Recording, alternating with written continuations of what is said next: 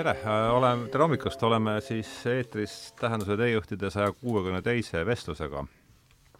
ja nagu ikka, on mul suur rõõm tervitada kahte saatekülalist, tere tulemast, Enn Kaljo! tervist! esimest korda meie stuudios ja, ja, ja tere tulemast, Peeter Liiv, teist korda! tervist! see Nada nelikümmend seitse oli vist, kus sa käisid äh, Alariga. ja selle pealkirjaks sai Kõiksuse lühilugu ja teooria mm. -hmm. Ja me rääkisime Ken Wilberist. just. tänasel saatel on eellugu, eellugu on see, et et Enn võttis minuga ühendust nagu tõlkeasjus ja siis kuidagi sedasorti mis raamat see oli, mis sa pakkusid? Äh, see oli, seal oli kolm raamatut lausa, Eesti ajaloo äh, teemalised raamatud, mis algselt on kirjutatud kohe inglise keeles, eestlase Aha. poolt. tol ajal oli siin sügav äh, nõukaaeg ja noh, ütleme sellisesse nii-öelda välis-Eesti ajaloolasse suhtuti pehmelt öeldes noh, halvasti. ja, ja ja siis äh, esimese hooga ei osanud nendest, et ei jäänud päris sellesse, sellesse valdkonda, mis meid on siin huvitanud. aga rääkisime edasi ja siis tuli telefonis vestlusesse, ilmusid sõnad kui Yogananda, kellest ma olin juba midagi kuulnud. ja, ja, ja kogu see ida filosoofia pool, mis on, millest ma suurt midagi ei tea, aga mis on mulle pakkunud, hakanud pakkuma järjest rohkem huvi ja, ja kui siis selgus, et et end äh, tunneb hästi Peeter Liivi, kes käis saates ja kelle, ja see saade äh, Alar Tammikoga on osutunud päris populaarseks, et, siis tekkis mõte, et et kutsuda teid mõlemaid stuudiosse, see plaan on nüüd siis teoks saanud, töö pealkiri on Unevend. Äh, ja see viitab siis sellele mõte, et surm on unevend. see on käinud, täna vaatasin hommikul, et see on alates Vergiliusest kuni eh, Nassi nimelise räpparina, kellest ma kuulsin täna esimest korda, on erinevad eh, arvamusliidrid seda, seda mõtet väljendanud, et, et räägimegi täna siin siis erinev suhtumine surma ja, ja mis tuu on ja kuidas on tema seos unega ja niisugused hommikul jätkame unenäolistel teemadel, et et sellega ma olen laias laastus äh, vestluse piiri nüüd maha märkinud ja annan kohe, loovutaks kohe hea meelega palli, et äh, hakkame ennust pihta sinust. võib-olla noh, ütleme sellest vennast äh, räägikski võib-olla kui vanemast vennast, et mm -hmm. Sest noh, tavaliselt on, surm on, on siis une vanem vend? jah, ütleme, kui on, on vennad, siis on kaksikvennad, siis on nooremad ja vanemad vennad mm. -hmm. kui Jeesus näiteks ütles sellise lause kunagi, et kui te tahate õnne endale külla kutsuda laua taha pidusöögile, siis kindlasti peate kaks kohta seal katma, sellepärast et ebaõnn ehk tema kaksikvend on alati kohal. Aga noh, ütleme surm kui selline iseenesest, eh, kui me magame, siis me tegelikult ei ole ju väga teadlikud sellega, mis meie mhm. kehaga seal toimub, kui me just väga rahutut pinnapealset tund ei maga. -hmm ja, ja kui me hommikul ärkame, siis me mäletame, et midagi seal kuskil oli, midagi toimus nagu, aga, aga see, ütleme nii kui silmad lahti tegi, see kadus kõik. ei ole reaalne mm. -hmm. ja siis me saame aru, et oligi lihtsalt üks uni. Ja noh, ütleme, kui see, seda und võtta mingisuguse asjana, siis kui minna süvitsi selle, selle kaudu ja jõuda siis näiteks idamaade õpetuste juurde, siis me saame aru, et une unenäo maailm on täitsa erinev, eraldi mm -hmm. olev maailm mm. -hmm. et, et füüsiline keha jääb siia, ilusasti teki all, pea padjal, aga mm -hmm. astraalkeha, mis seal siis nii-öelda eluenergiat ja veel peenemaid asju endas kannab, see rändab ringi täitsa vabalt, et seda ei ole võimalik lihtsalt seal teki all äh, enam hoida niimoodi. tema kasutab oma, oma liikumist ja võimalusi õppimiseks ja arenemiseks ja edenemiseks ja siis toob üht-teist kaasa ka sellesse päevamaailma mm. -hmm. ja aga ma ei tea, võta Peeter, mängi selle palliga edasi siis, et äh, surm või tähendab une, une vanem vend äh, surm. no väga huvitav kujund jah. Jah, on küll. see Sheldrocki määratlus oli, Sheldraki määratlus oli väga huvitav, aga et see on une jätkumine ja ilma võimaluseta ärgata, aga ja aga une vanem vend, no ma ei tea, idas on neli põhiseisundit, eks ole, on ärkvelolu, unenägude kuni, unenägudeni ja siis neljas, kus me oleme siis ärkvel ka süvaunest, mida me tavaliselt ei mäleta, et see süvauni on kindlasti vanem vend, ma arvan. Aga tavaline uni ütle palun äh, neli olekut, ma panen kirja no,. Yeah. neli olekut, see on idafilosoofias või? jaa, see on Vedantas ja Vedades võib-olla ka mm. -hmm. Veda-, Vedantades, jah? et ärkvelolu siis unenägude kuni unenägudelt ehk süvauni. noh, ma just hiljuti eile mõtlesin, et kas seal äh, inimesed, kes ütleme siin TM-i adeptid ja et kes on ka või, või mingid müstikud, kes on ärkvel ka süvaunest, et ei saa öelda, et seal mitte midagi ei ole, et see ei ole ilmselt ikka päris see vormitu tühi teadus, vaid seal on võib-olla niivõrd peenekoolised vormid, et, et lihtsalt noh, neid on raske kirjeldada ja ja enamus, enamus enamus neid ei mäleta. Oota, aga ütle palun veel ärkvelolek üks, unenägudeta uned kaks, une, unenägudega uned kolm, mis on nüüd neljas ikkagi? neljas on see tuuria või see on see seisund ilmselt, kus ollakse ärkvel siis ka unenägudeta unest. Seda nimetatakse ka tunnistaja seisundiks, et, et see on siis seal on jah, mingi väike duaalsus on olemas nagu tunnistaja seisundis, ta ei ole päris samasus. Hmm.. aga no, astraali kohta, noh ma ei ole ikkagi päris kindel, mul on keeruline edasi minna, kui ma lõpuni aru saan, või lõpuni aru saanud, aga et ärkvel oleks kõik selge, unenägudeta uni selge, unenägudega uni selge, ikkagi mis see neljas nüüd siis on? see tundub ole. ma, ma, ma ei jõua järele praegu. on inimesed, kes on teadvel unenägudega unest mm. -hmm, noh, ärkavad näiteks une ajal või juba ja. enne on teadvel, saavad neid juhtida, eks ole. aga see on see kirgas unenägu siis või äh, no kirgas unenägu nendest on siis äh, hästi intensiivne teadvel olev mm -hmm. unenägu et mitte niisugune tavaline argine mm. -hmm. Ja nüüd, kui nad on teadvel ka süvaunest, noh, see on veel sügavam teadlikkus. teadvel et, et teadlikkuse tugevust mõõdabki see, et esiteks, kas me oleme teadvel tavalistest unenägudest mm, -hmm. no kirkad unenägu, näod jäävad väga hästi meelde, nad on väga eredad ja eluks ajaks ja noh, ma toi-, tõin siin eelmine kord kas kirgas unenägu, ütleme nüüd jällegi meistrit või terminoloogiast ühtmoodi aru saama, see on see unenägu, kus ma su-, kus ma saan aru, et ma näen, näen und ja suudan ennast kuidagi minul mitte ainult. minu jaoks kirgas unenägu on hästi intensiivne arhetüüpne unenägu. ta on müstiline, ta on luminoosne unenägu. seal on hästi põhjatud emotsioonid ja ja hästi sügavad taipamised, noh, võib-olla see on minu meelevaldne selline ja, jaga, jagamine ma... nüüd. just, just, just. Sest ma imetlen Ilona Karulat, kes kes tekitab kirkaid unenägusid, noh, tal rekord on kuus unenägu öö jooksul, eks ju, ise tekitab ja lõpetab nad mm. -hmm. ja nad on kõik, noh, kujuteldamatult nauditavad ja põnevad. kuidas nimi oli? Ilona Karula. minu jaoks on ta üks huvitavamaid Eesti selgeltnägijaid ja, ja müstikuid ilmselt mm. -hmm.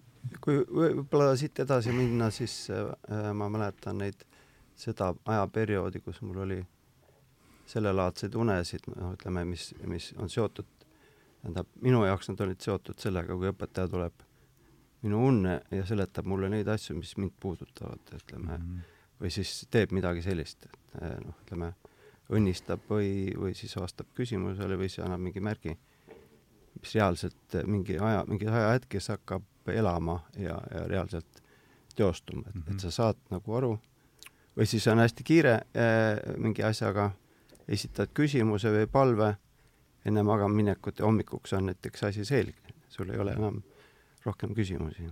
ahah, no see ikkagi ilmselt äh,, ikkagi ilmselt äh, äh, haakub väga ju alateadvusega, eks ole. alateadvust, teadvuse spetsid lahterdavad mõistust, ütleme, alateadvuseks, tavateadvuseks üliteadvuseks mm. -hmm et eh, kõik need asjad, mis on väljaspool meeli, mõistust ja intellekti, toimivad väljaspool kehateadvust, ehk siis eh, nad on nagu üliteadvuse tasand mm. -hmm. see on nüüd äh, freudistlik arusaamine no ütleme, ütleme, kui, kui ta ei ole nagu alateadvust, see on just nagu sealt idamaadest ah, India, India Aha, poolt -hmm. ja nad käsitlevad näiteks sellist nähtust, kui antakse sulle prügikorv ja öeldakse, et mine too sellega vett mm, -hmm ja, ja siis, äh, kui sa mõtled, et see, kes ütleb sedamoodi, on, on natukene põrunud mm, -hmm. aga lähed, tood vett ja vaata, ja siis äh, kui ta ütleb, et mine too ikka vett, veel vett, et noh, ütleme, kui sa oled kakskümmend korda käinud sellega, siis ta ütleb, et no aga mis, mis korviga juhtus, siis vaatad, korv läks puhtamaks mm. -hmm. et selle üliteadvuse noh, roll tegelikult on selle tavateadvuse ja alateadvuse puhastamine sodist, ehk siis noh, alateadvust seostatakse kui, kui kolikambri või, või siis selle aida hoonega, kus ei, see on nüüd idamaide arusaamine. kuhu visatakse kõik, mis, mis tuleb meie ellu, noh, kõik need asjad, mis saan ma õigesti aru, et see on nüüd ida, idamaine? idamaine jah, läht-, lähtumine ja, ja ta on nagu Vedanta üks selline vaatenurk ka. no üliteadus on minu jaoks liiga ebamäärane mõiste, et see on ikkagi nüüd transpersonaalse psühholoogia jaoks jaotatud mitmeteks astmeteks transpersonaalseteks astmeteks, teine on see, et noh, analüütilises psühholoogias ikkagi on ka personaalne alateadvus mm. -hmm. ja, ja teiselt poolt on kollektiivne alateadvus, eks ju. no see on Jungi noh, Jung tõi selle juurde jah, et meil on ikkagi kollektiivsed sümbolid ja, ja tüüpolukorrad ja rollid ka. ja Jung rõhutas, et nad ei ole ikkagi rolliminad, nad on ikkagi arhetüüpsed minad, tähendab, nad on numinoossed, nad on hirmuäratavad, nad on pühad, nad on õõvastavad ja kütkestavad ühtaegu, et et Jung ju heitis ka ette, sellest oli juttu ka, et Campbellile ja teistele, et nad nagu redutseerivad selle äh, arhetüüpse rolli või sündmuse mingile tavalisele rolliminale, noh, niisuguse argiteaduslikule, noh, tavalisele, no ütleme, kunstilisele, esteetilisele minale, et seal ei ole nagu sellist noh, pühale omast, omast sellist noh, hirmuäratavat äratavust või aukartust äratavust. luminoossist ja mis, mis paneb, paneb kartma ja põgenema. Äh, ütleme tavateadvust, jah. aga ma tooks ikkagi sisse nüüd äh, omalt poolt selle äh, tänatoloogia, mis täna on ikkagi akadeemiline teadus juba ja mida õpetatakse ülikoolides, ka Tartu Ülikoolis, on võimalik võtta valikkursust. tänatoloogia on siis surmaõpetus suremisest ja surmast? surmateadus jah, teadus surmast. et siin minu jaoks on ikkagi neli allikat, ühesõnaga mm, et kõige varasem allikas on siis muidugi müstikute kogemused läbi erinevate ürikute, millest kõige eredamaks minu jaoks on Tiibeti surnute raamat. Ja, ja veel mõned raamatud samal teemal tiibetlastest, Tiibeti surnute raamat väidetavasti on kuueteistkümnendast sajandist Tiibeti tantrismi noh, tuntuim, mida ma kunagi ka tõlkisin saksa keelest, mäletan, oli vist esimene eestikeelne tõlge tol ajal Erik Arvo tõlge tuli hiljem. saime õigesti aru, et kuueteist, kuusteist sajand? kuusteist sajand oli jah, see ma lugesin. nii et ta ei ole nii väga vana mm. -hmm. ja teiseks on siis, äh, mis tulid ka Euroopas moodi ja olid siis meediumkanaldused, äh, kontaktid sealpoolse ja surnutega nii-öelda. Äh, ja loodi siis ju siin psüühilised, psüühiliste uuringute seltsid, eks ole, siin Äh, Ameerikas ja, ja Euroopas, Inglismaal tuhat kaheksasada kaheksakümmend kaks, äh, USA-s tuhat kaheksasada kaheksakümmend viis. Ja nende tegevuses siis ma ei tea, mis ajavahemiku jooksul osales siis kolm Nobeli preemia laureaati, kümme akadeemikut ja, ja üheksa väga tuntud teadlast jah, ja sellest kirjutab John Gray oma raamatus Immortalization Commission, mida ma olen juhuslikult kõik, kõikides no, nendes ringides, seda raamatut ma olen lugenud ma olen sellest isegi yeah. kirjutanud ja nii, et Aha. keda see teiega huvitab, siis raamat jah, on John Gray Immortalization Commission, kus seesama selles... John Gray, kes kirjutas Marss ja Veenus või?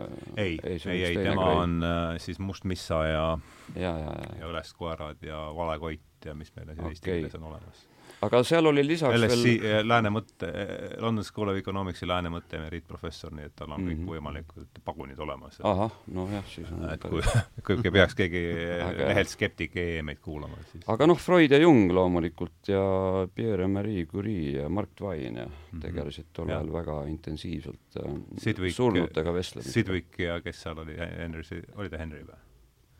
Ja nii et jah, see Cambridge'i koorekiht oli seal, äh, tegeles sellise tadeku keerutamisega päris äh, usinalt. seda ma tean, et seda noh, ütleme metafüüsiline, metapsüühiline selts omal ajal äh, noh, ütleme siin Eestis arendas ka mingeid taolisi tegevusi ja, ja siin, siin Tallinnas oli selline, mul oli kunagi õnn viibida ühes korteris ühe noh, ütleme naisega, keda mu tulevane abikaasa hooldas mm, -hmm. kelle, kelle raamatukogu oli seotud selle metapsüühilise seltsi eh, noh, ütleme endise juhiga, tähendab tema mees, ei mäleta seda nime enam, aga see oli nagu noh, päris, päris võimas raamatukogu seal. Neil oli ka mingi väljaanne, mingi ajakiri ilmus, ma mäletan, mul oli see kunagi olemas isegi.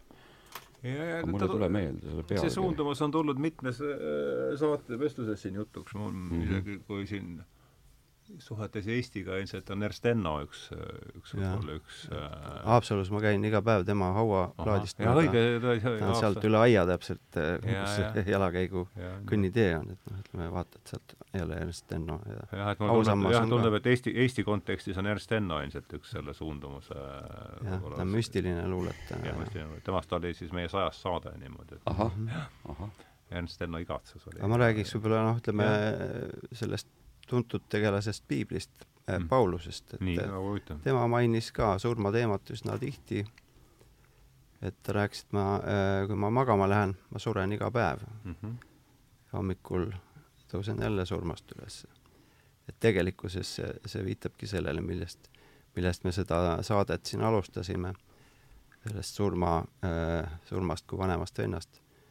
et see uni tegelikult ongi selline ettevalmistav osa ja noh, ütleme idamaades öeldakse ka, et te võite siin äh, teha, mida tahate, aga siis, kui te sündisite, te saite pileti surmajaama mm. -hmm. ja see rännak viib teid sinna, äh, kas te siis tantsite, laulate, jooksete ringi, äh, mediteerite, ükskõik mida teete, ikka te jõuate sinna ettenähtud ajal, tunnil ja minutil. et, et see, sellest ei pääse ja, ja surm iseenesest ei, ei aktsepteeri mingisuguseid vabandusi mm. -hmm. et eh, noh, ütleme kooli tulen viis minutit hiljaks, õpetaja, palun vabandust, jäin tundi hiljaks, no okei okay., saada andeks, aga noh, ütleme surm, surm tuleb, see kell öeld-, ütleb noh, ütleme võib-olla natuke ette, et ma nüüd tulen, eh, pane asjad valmis, et, et midagi sa kaasa võtta ei saa ja ongi mm -hmm. kogu lugu. Tiibeti surnute raamatus on jah, sellest ma tahtsingi rääkida jah, et võtame see, mis, mis see taust, räägi, võtakski selle esi, et mida, kõik, mis me teame Tiibeti surnuste raamatust, oleks huvitav mulle oleks põnev teada, ma ei tea, mul on see kodus olemas, aga Egiptuse surnute raamat on ka olemas, jah. sul on see Erik Arro tõlge või? ei, mul on ingliskeelne üldse ah ja ma olen teda niimoodi sirvinud siit-sealt, aga, aga mis, mida ta endast kujutab, kuusteist sajand on siis, samal ajal kui meil on, meil käib reformatsioon, tuleb seal Tiibeti, see on minu esimene no võib-olla ta suulise päringuna on ammu juba ennem ja, ja. olemas olnud, kui kirja pandi. mul on, mul on siin kirjutatud neliteist sajand siiski, vabandust. neliteist sajand? eksisin. sest need paljud tekstid, mis idamaades on, on äh, renessansi niisugune seal vahepeal kuskil. et, et meil on kirjas näiteks, et veedad kuskil, veedad tekkisid millalgi ja millalgi ja aga tegelikult nad äh, vanal ajal anti suulise päringuna edasi õpetajalt õpilasele mm. -hmm. ja see käis kogu aeg ilma kirja panemata, et noh, ei olnudki sellist meetodit või noh, ütleme kommet vedasid kirja panna.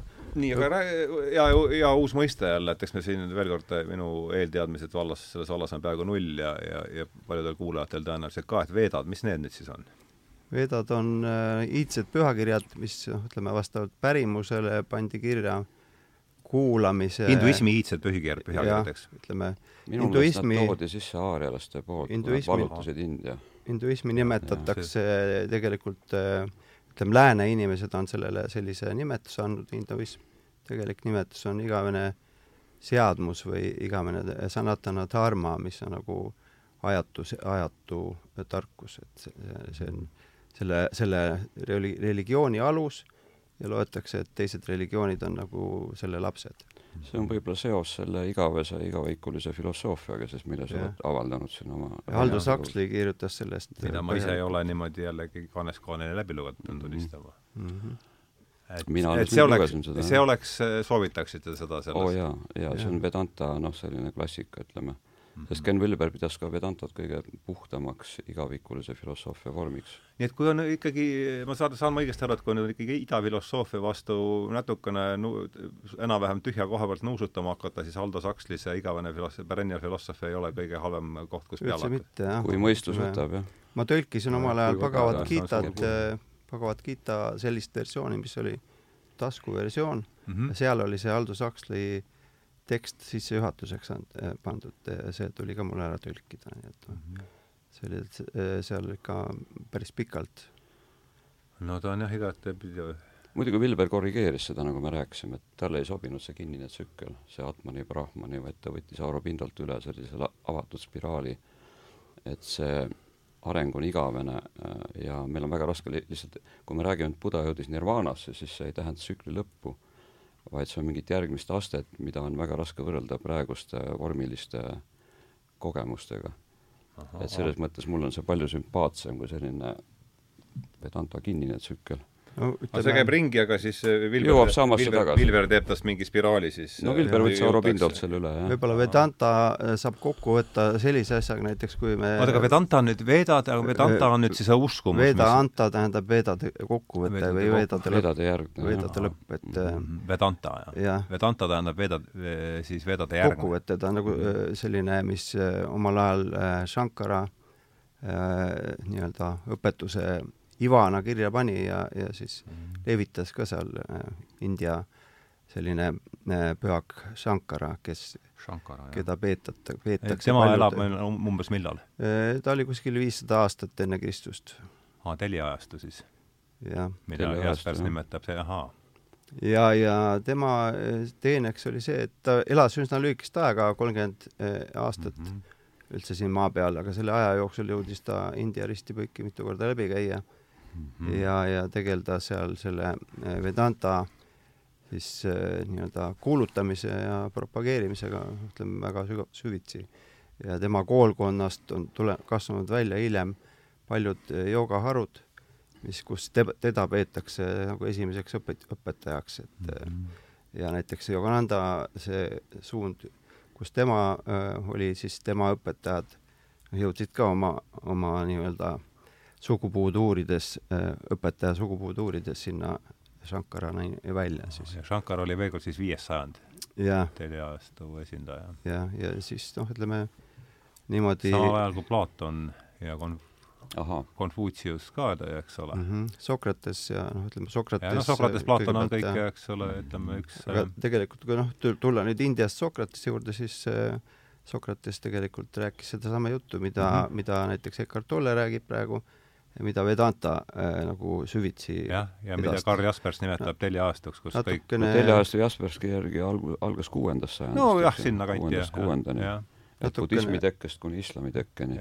natukene lihtsamalt, näiteks noh, ütleme, Tolle räägib väga nagu igapäeva kontekstis kõiki neid asju, ta toob nagu väga hästi paralleele kõige sellega, mis meie elus toimub. toob no, moodsasse keeldesse selle problemaatika, eks ole, jah. ütleme, kui me loeme mingit äh, sellist äh, Linnart Mälli tõlgitud Bhagavad Gitat, siis see keelepruuk on seal väga arhailine. keeruline, arhailine ja, ja noh, paljudele ei jõua kohale, mis seal üldse kirjas on. just, see on vaja kaasaegses keeles ja, üle rääkida. kui sa noh, ütleme kas või see Bhagavad Gita, Bhagavad Gita vorm, mis mul oli kunagi võimalus tõlkida, seal olid need autorid, selle tõlke autorid üks oli inglane, teine oli hindu, kokku pannud sellise vormi, mis oleks nagu noh, ütleme nagu selline tavaline jutt, nagu me siin räägime, mitte mm -hmm. nii nagu ütleme, kus on äh, kuningas või äh, mingisugune kõrgem äh, räägib alamaga või, või siis mm -hmm. räägib, räägib keegi pühak, räägib tavalise õpilasega, et ütleme sellist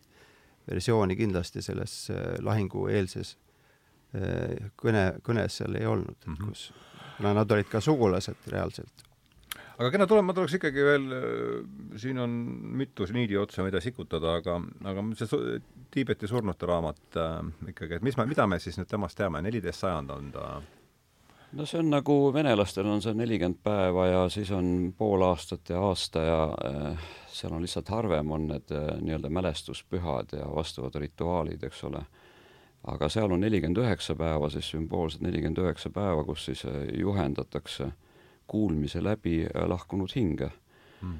ja on see mm, alateadvuse protsess siis äh, joonistatud oma astmetes, kus siis toimub just nimelt selline mitte evolutsioon, vaid, vaid allatulek, involutsioon mm. -hmm. et äh,, et kõigepealt on kõige kõrgem kogemus, see on, mida Tiibeti budism nimetab rikpaaks, on see puhta teadvuse kõige selgem vorm ja kuna inimesed, enamus inimesi seda ära ei tunne või kes seda ka välgatavad, nad minestavad selle kätte ära, see on niivõrd intensiivne. ja siis äh, see on nii-öelda see surmahetkede pardoo mm. -hmm.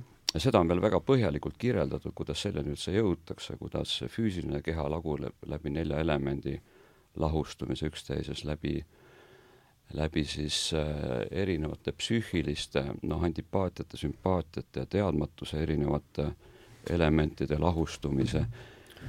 ja kui see kõik on lahustunud, see inimese nii-öelda olemasolu karkass mm, -hmm. et siis avaneb võimalus äh, äh, nii-öelda kohata seda täit äh, algset ürgset valgust mm. -hmm. et seal enne seda juba noh, need tunnused järjest äh, nagu tugevnevad erinevates astmetes, aga Tiibeti surnute raamat vaatleb seda lihtsalt ühe hetkena, et ta, ta ei, ta ei lahka, vähemalt see versioon, mida mina tõlkisin, seal ei ole nii hästi see lahti kirjutatud, see eelnev lagunemine või lahustumine. ja siis äh, järgmine ongi, siis ilmuvad need võimsad arhetüüpsed vormid. kuna inimene sealt nagu minestab, siis ta ärkab uuesti, nüüd on juba duaalsus tekkinud, tema kui subjekt, siis äh, talle ilmuvad need siis äh, rahu armastavad ja raevukad jumalused. Milles siis... ka tekst õpetab, et need on samuti puhas teadvus, et tunne nad ära, ära lase ennast nagu nendest hirmutada. ma üritan seda nüüd kuidagi siin käigu pealt tõlkida, seda ja. juttu, mis mul on täiesti võõras lääne sellisesse määr-, noh, pole lihtsalt kokku puutunud sellega lääne filosoofia keelde, et kas see võiks siis öelda, et ma satun puhaste platonistlikus mõttes nagu puhaste vormide maailma või ja. võib seda midagi ja, sellist paralleeli näha, eks ole, mulle tundub, et see on niisugune Platoni ideed on ka ju väga, väga ja. võimsad, intensiivsed, mis siis noh, oma kahvatu vormi omandavad siin. põhimõtteliselt me räägime enam-vähe jah, okei okay,, nii. müstitsismis see on ja, ju arhetüüp ja, ja Platon, kes oli Eleusise müsteeriumides ilmselt osalenud, eks ole, mis kestsid seal, ma ei tea, kaks tuhat aastat järjest, eks ole, kogu antiigi eliit käis sealt läbi, enne kui mingi kristlik keiser nad ära keelas, eks ju ja seal kasutati ka psühhedeelikume no nii kui väide soomat, eks ole, või noh, täpselt ei teata. no vot, edasi siis, ähm, kui inimene ka seal raevukate jumaluste peale nii-öelda minestab, sest nad on liiga intensiivsed, samal ajal on erinevad sellised nagu tuhmid valgused, nende kirgaste valguste, eri värvi valguste kõrval mm. -hmm. inimene valib siis, noh, tavainimene, ta valib need leebed valgused ja kui ta teist korda ära minestab, siis lõpuks kolmas Bardot on siis, igal Bardot'l on oma nimi, siis vaheseisundi jätk, ühesõnaga, siis seal algab juba parema sünni valik füüsilises maailmas.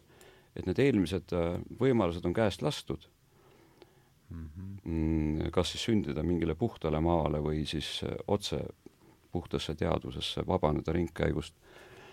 ja nüüd käib siis, et saaks nende kuue loka või kuue maailma vahel, noh, inimesena sündida. sest budismis inimesel on võrreldes teiste olenditega, kelleks on siis põrguelanikud, poolpõrguelanikud, loomad, pooljumalad ja jumalad, on ainsana võimalus vabaneda ringkäigust, et see ringkäik on nagu reinkarnatsioon on nagu ma lõks. ma panen ikka kirja kuus, mis, mis, mis asja on need kuus kuus lokat või, või taassünni, noh, sfääri. kuus taassünni sfääri. jah ja me, me räägime nüüd praegu budistlikust ja, ja mm -hmm. just nimelt. võtame need ära, et see, see on, äh, mis meil olid äh, põrguelanikud, noh alt üles siis jah mm. -hmm. põrguelanikud. poolpõrguelanikud ehk igavesti näljased hinged, preetad. Neil on pidevalt puudus mm. -hmm. Neid saab kanda nii erinevatesse noh, paralleelmaailmadesse kui ka sellesse maailma siin mm. -hmm. me näeme inimesi, kes on pidevalt noh, näljas, nad ei saa kunagi küll mitte millestki mm. -hmm. või inimesed, kes on pidevas piinas ja valus ja kannatuses, kes elavadki nagu oma elu nagu põrgus. siis on loomad. siis on loomad, jah. ja siis on? siis on meie, ütleme, võimu- ja rahaeliit, pooljumalad ja jumalad, eks ole, kellel justkui kõik on olemas, aga kuna nad on selles dharma või uuesti sünni rattas, eks ole, siis ka nemad kannatavad omal moel. nii, pooljumalad ja jumalad, see on neljas, viies on? Need ongi neljas-viies. aa, neljas-viies on pooljumalad ja jumalad, jah? Äh, loomad oli ka vahepeal. Äh, põrguelanikud, poolpõrguelanikud, loomad, pooljumalad, viies on jumalad? Mhm, okei okay.. ja kuues on inimesed siis? mm. -hmm. ja ku-, need on siis kuus taassünnisfääri budismis?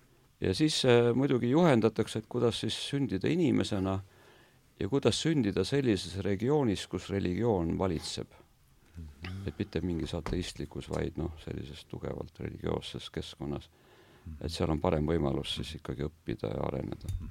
aga ma saan aru, Enn, ja parandage mind, et selle, selle kõige selle eelduseks on ikkagi see, et see ürgsubstants millest kõik koosneb, on siis selles filosoofias on vaimne. millest kõik mitte, algas, mitte, mitte materiaalne on see puhas teadvus. puhas teadvus, eks, see on noh, see, see on selle ette antud, eks ole. vaim, öeldakse küll, et noh, ütleme näiteks nagu Riigveeda algas selle tekstiga, et äh, ei olnud kedagi, kes oleks teadnud, kes ma olen, kuni ma lahutasin endast iseenda, et armastada ennast enam. ja see on nagu selle loomise käivitamise protsess, kuidas see nagu nii-öelda tükeldamine hakkas, et noh, ütleme, kui sa võtad valgusest ära valgust, noh, ütleme, tekitad väikseid küünlaid, siis see algvalgus tegelikult ei vähene mm. -hmm. aga üldine valgus nagu suureneb selle, selle efektiga, aga ja see nii-öelda hingede, väikeste hingede loomine, see oligi selline nii-öelda jumalik äh, mäng äh,, mis la-, lasti lahti nii-öelda ja mis igal sellisel see on nüüd budistlik tõlgendus in,? Indi, India siis filosoofia äh, tõlgendus või ütleme, seletus selle kohta, kuidas see asi toimub, et äh, sellised pikad Brahma ajastud on, on, üks on nagu öö või päev ja teine on siis, mida me ei näe, on, on siis see öö pool, mis kestab teatud perioodi, siis see, see loomine lakkab olemast ja peale seda kõik kordub uuesti ja kogu aeg see käib nagu sellise mm -hmm sinusoidina äh, pluss ja miinuspoole peal, nii kui, nagu matemaatika ühikus, et no vaata jällegi, kui asi puutub idafilosoofiasse, mul puutub igasugune süsteem sealt all, ma, ma koban täiesti pimeduses, seetõttu ma võin esitada täiesti ja, ja siis näiteks, äh, kui me vaatame seda näiteks matemaati-, matemaatilist elementi või kujundit kolmnurka, siis kõik saabki nagu kolmnurgast alguse, et alguses on niimoodi, et ühes nurgas on Jumal, ühes on inimesed ja, ja teise, teises, kolmandas nurgas olen mina näiteks mm. -hmm. ja, ja siis, kui edasi minnakse, siis jõutakse sirgeni. seal on niimoodi, et ühes otsas on kõik inimesed ja teises otsas või kõik olevused, teises otsas on Jumal mm. -hmm. ja Aga... siis no Vedanta non-dualismi printsiibi lõpp-punkt selleks nii sihiks on jõuda sinna, kus kõik on ainult ühes punktis mm no Vedantas nagu... seda tähistab Brahman, aga kristluses äh, Luteril oli siis ilmutamata Jumal ja ilmutunud Jumal. et ilmutamata Jumal on siis nagu see Brahma öö, kus Jumal ei vormi, ei vormistu, ta on nagu oota, kus sa nüüd ilmutamata, ilmutamata? Martin Luteril mhm. protestantismis. et see on täpselt Indias samamoodi, et noh, ütleme, kuidas keegi ilmutatud ja ilmutamata Jumal. jah ja. ja kui Jumal ilmutab, siis ilmu, ilmuvad vormid mm. -hmm. no idas öeldakse, et Jumalale hakkas igav et mm -hmm. siis ta tahtis endaga suhelda, siis ta tekitas subjekti objekti mm. -hmm. ta tekitas, Aa, tekitas jah, peegeldusi nagu. jäädes ise nii-öelda taustale, no vot seesama mm -hmm. Foxi artikkel, et et seal ongi kas panteism, teism või panenteism, eks ja, ole. see on väga, see on see on väga hea, jah. jah, mulle see ka väga meeldib. me räägime on... siis praegu seitsme, Läheduse teejuhti seitsmeteistkümnendas numbris ilmunud ja, intervjuus Matthew Foxiga. jah, oli väga huvitav jutuajamine, pealkiri oli äh, ökoloog ökoloogia on praktiline kosmoloogia. kas ta oli katoliku või protestantlik teoloog, ma ei tea? ta oli, ei, ta on, ta on katoliku teoloog, kes visati mm -hmm. välja katoliku kirikust ja ta nüüd on siis äh, epis-, epik-, episkopaalkirik. ja, ja, ja, ja unitaallased olid seal, kellega ta kõik seal ja, see oli väga, see oli väga huvitav vestlus mm.. kirikud ikka aeg-ajalt te teevad ja, sellist äh, nalja. nii et ilmutamata ja ilmutatud Jumal siis. mm -hmm.. nii et Jumalal hakkas igav, ta tekitas siis objektid subjektid ja jäädes ise panentismi järgi noh, nagu ühtaegu ka taustale, eks ju mm. -hmm. et ja. selleks nii-öelda tunnistajaks.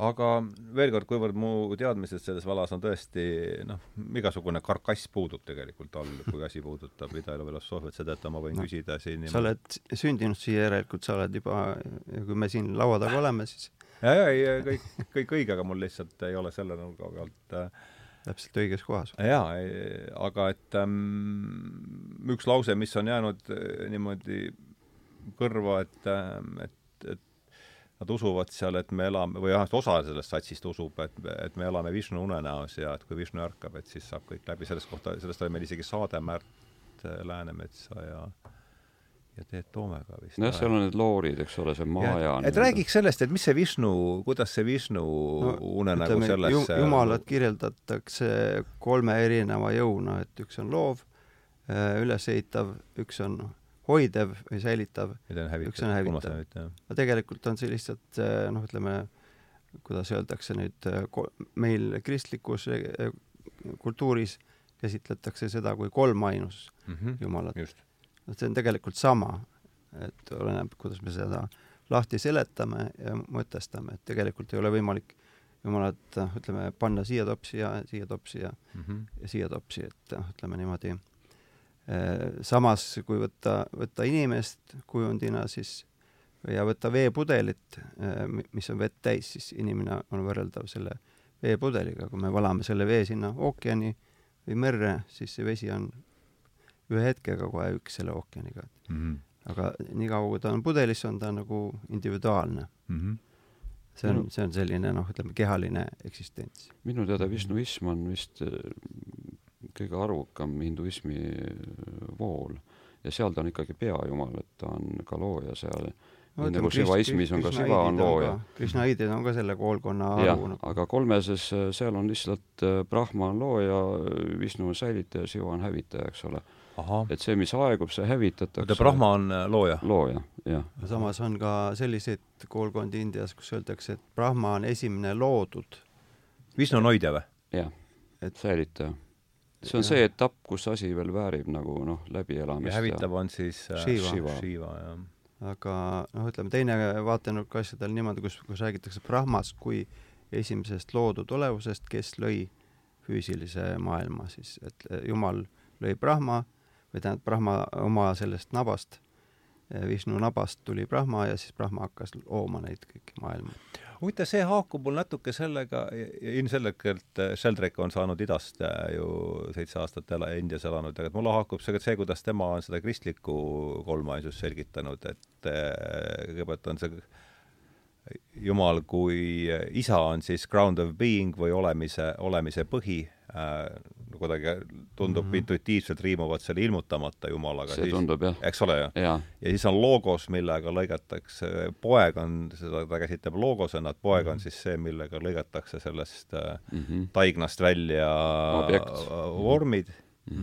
Ja, ja püha vaim ehk siis äh, see on see tegutsev jõud. jah, tegutsev jõud ja see muutuse, muutuse, evolutsiooniline jõud mm -hmm. põhimõtteliselt mm -hmm. nii nagu, nii nagu Shaktigi, ütleme, kui mm -hmm. me mhm. vaatame seda kujundit, kus Shiva tantsib, et tal on selline rõngas ümber, mille otstes on sellised väiksed tulukesed, siis äh, tegelikkuses seda rõngast ise või seda tulukest ratast äh, ongi võimalik šaktiks ehk seda, selleks loovaks energiaks Aha. pidada. võtame selle uuesti, kelle ümber on see tuluke? Äh, Shiva, tant-, tantsiv Shiva. tantsiv Shiva ümber on nagu tuluk on... jah, ja Shival on käed on, on, on niimoodi, üks, üks mm -hmm. näitab nagu äh, hävi, hävingut ja teine näitab äh, sellist äh, armu ja, ja mm -hmm. sama on budismis ka budadel on šaktid süles.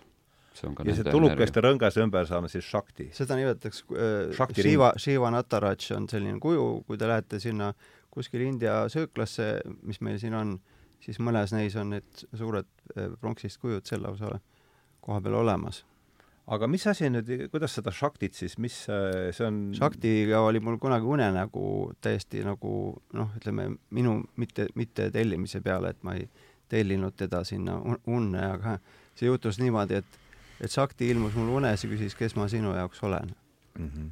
ma ütlesin, et äh, armuke. Järgmine, järgmine hetk oli niimoodi, nagu oleks virutatud mulle äh, hästi, millegi hästi võimsaga ja siis lendasin killa valgusesse kusagile ja kogu mm. lugu. Ärkasin selle peale üles mm.. aga oota, kas Shakti on nüüd siis mis asi? Shakti on siis üks jumalatest? energia. aga kas tal on ka, kas ta on ka siuke isikustatud ehm,, on siuke, ikka kuulutatakse no, maalidel ka või? Shiva ja Parvati, kõik jumalused. Shakti on energia. siis ah, sealt läkski püha vaimu kaudu läks vist Shakti peale. midagi siukest, seal kujutatakse jumalaid alati paaridena Indias näiteks, et ah,, et igal jumalal on, on nagu naispoolus kui Jumal on vaim, puhas vaim, siis eh, noh, ta küll ütleme, kehastunud vaim, aga või vormistunud vaim, siis Shakti on see energia, mis paneb selle vaimu nagu materiaalses maailmas noh, nagu liikuma või tegutsema või looma. et ma, näiteks selline tähendus mm. -hmm. ja, ja siis nojah, me peame meeles pidama, et see on Jah. polüteistlik keskkond, millest me räägime, eks ole, Eh, see on no ülioluline tegelikult, praegu. tegelikult ei ole eh,, Indias öeldakse, et on palju jumalusi, palju jumalaid, aga jumal on üks. mm. -hmm. et see, see on nagu see eh, point, milleni nagu Vedanta jõuab lõpuks. Aga seal on koolkondi, kes käsitlevad asju teistmoodi ja noh, ütleme niimoodi, noh, ütleme aga see üks jumal, kellele nad siis viivad tagasi, on ikka see Brahma siis või? Brahman, Brahman, jah.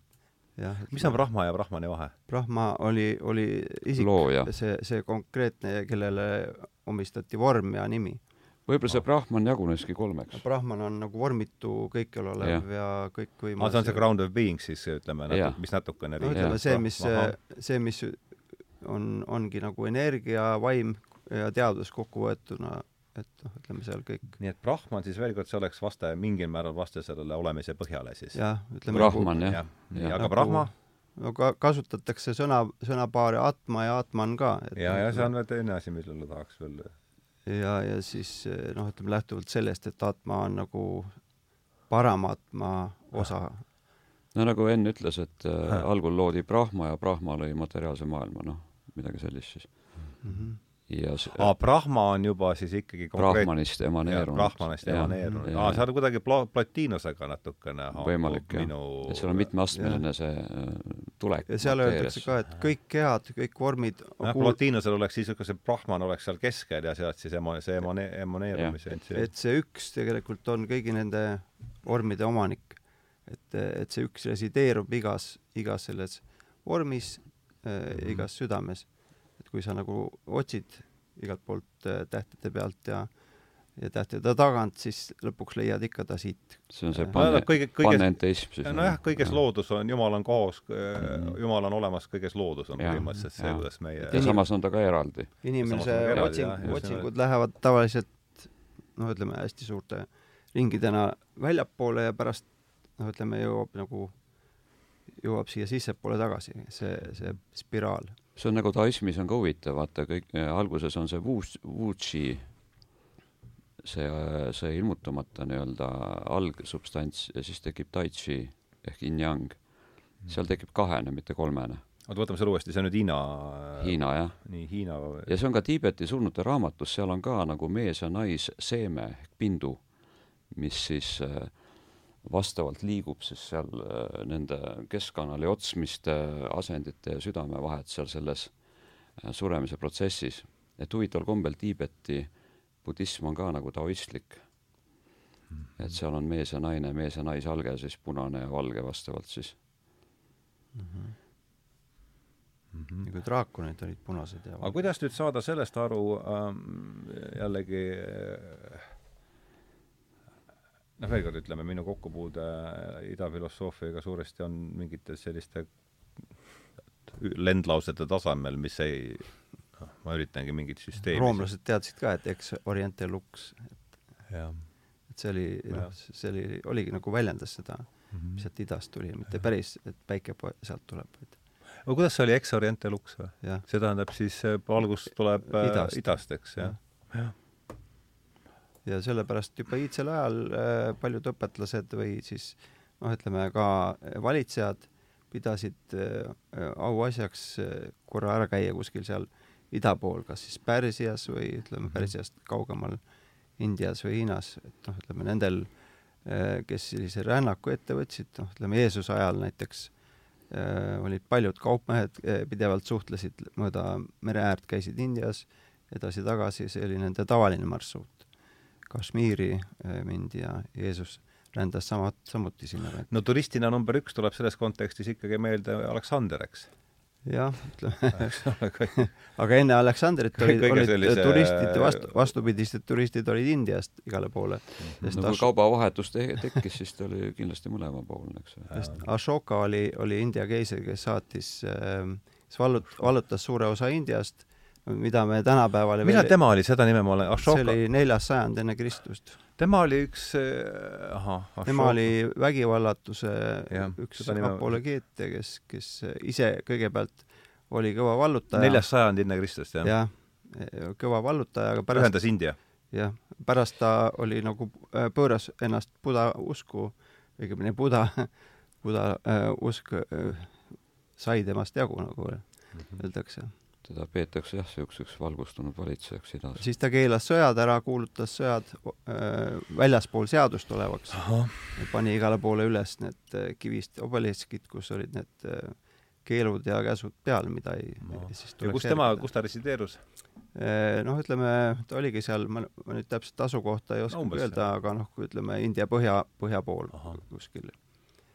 ja noh, ütleme Ashoka äh, kuulutas budismi ja ta võttis e-, ette sellise asja, mida me teame missioonitöö äh, nime all ja esimesed mungad, äh, keda saadeti maailma budismi kuulutama, olidki Ashoka poolt igale poole saadetud.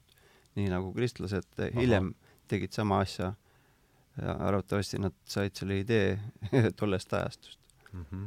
ma tooks paar surmaallikat veel sisse, et me võib-olla neid ära ei unustaks, üks mm -hmm. on mhm. siis äh, kliinilise surma kogemused mm. -hmm. kui ilmus Raimond Moodi huvitav see raamat, ilmus esimesel jaanuaril tuhat üheksasada seitsekümmend viis, ma vaatasin, Life after life, kus oli siis üle viiekümne juhtumi esmakordselt, see oli tõeline šokk muidugi lääne ühiskonnale. ja pärast seda on uuritud miljoneid, miljoneid juhtumeid. jah, surmalähestajad, lähestajad, surmalähestajad kogemused jah, kes on tagasi tulnud jah. et see on üks selline suht. Life after life oli see raamat? jah, Life after life. kes on autor? Raimond Moodi, Moodi, kahe hooga. Raimond Moody, jah. ja teine nii-öelda Y on lõpus, jah? jaa. teine nii-öelda teaduslik äh, allikas on siis Michael Newtoni Elude vaheline elu. kas see on eesti keeles siis olemas äh,? kõik neli raamatut on eesti keeles olemas, kolm tema oma, neljas on tema õpilastelt. oota, kes see, kes oli nüüd see nimi äh,? Michael Newton, Michael Newton mm. Ja tema esimene raamat ilmus siis äh, originaalis tuhat üheksasada üheksakümmend neli. Mhm. ja see raamat on? hingerännak. sellest ilmus ka kordustrükk, see on vist praegu isegi saadaval mm -hmm. raamatupoodides, teised on kõik ammu läbi müüdud mm. -hmm. ja tema räägib meile siis mida? ta, hingerännak teeb nüüd ringi peal alates surmast kuni järgmise uuesti sünnini ja põhirõhk on siis, seal on palju erinevaid astmeid eludevaheline elu, mille ta siis kaardistas kuskil kuue tuhande patsiendi või kliendi süva... kes ta siis oli, mis ta, mis ta tegi, kes see Raimond Moodi, ma ei ole ta oli hüpnoterapeut. Äh, ma ei tea, kas tal oli analüütilise koolkonna või kus ta seal oli, aga ta muidu tegi teraapiaid, regressioone eelmistesse eludesse, mis kestavad umbes tund aega. Aha. ja toimuvad kuskil alfalainete tasandil, aga siis ta kogemata sattus ühe patsiendiga palju sügavamale, see kestis seal kaks-kolm tundi kokku, see värk kõik hüpnoos on siis see eh, meetod, millega ta tekitab selle muutunud teadvusseisundi? jaa, jaa mm -hmm., süvahüpnoos ah,. see on pikem ja see toimub teetalainete tasandil, hiljem hakati mõõtma. Need inimesed lähevad noh, unenäo seisundisse sisuliselt, aga nad kuulevad ja on kontaktsed ja siis ta kaardistas ära kogu selle, kõik need paljud astmed, mis seal siis eh, elude vahel täpselt toimub. ja tema sõnum on muidugi väga positiivne et see eetermaailm on väga helge, täis armastust, kirkust äh,, seal toimuvad õpingud, seal on hingeperekonnad, seal on valgusolend ehk isiklik teejuht, seal on ähm, tarkade nõukogu, kes on ka sinu isiklik kuidas ta nimetab seda piir-, eetermaailm? eetermaailm, jah. see on siis jälle, peaks nagu Platoni kui nagu astraalmaailm Plaat,. Platoni... see ei ole astraalmaailm.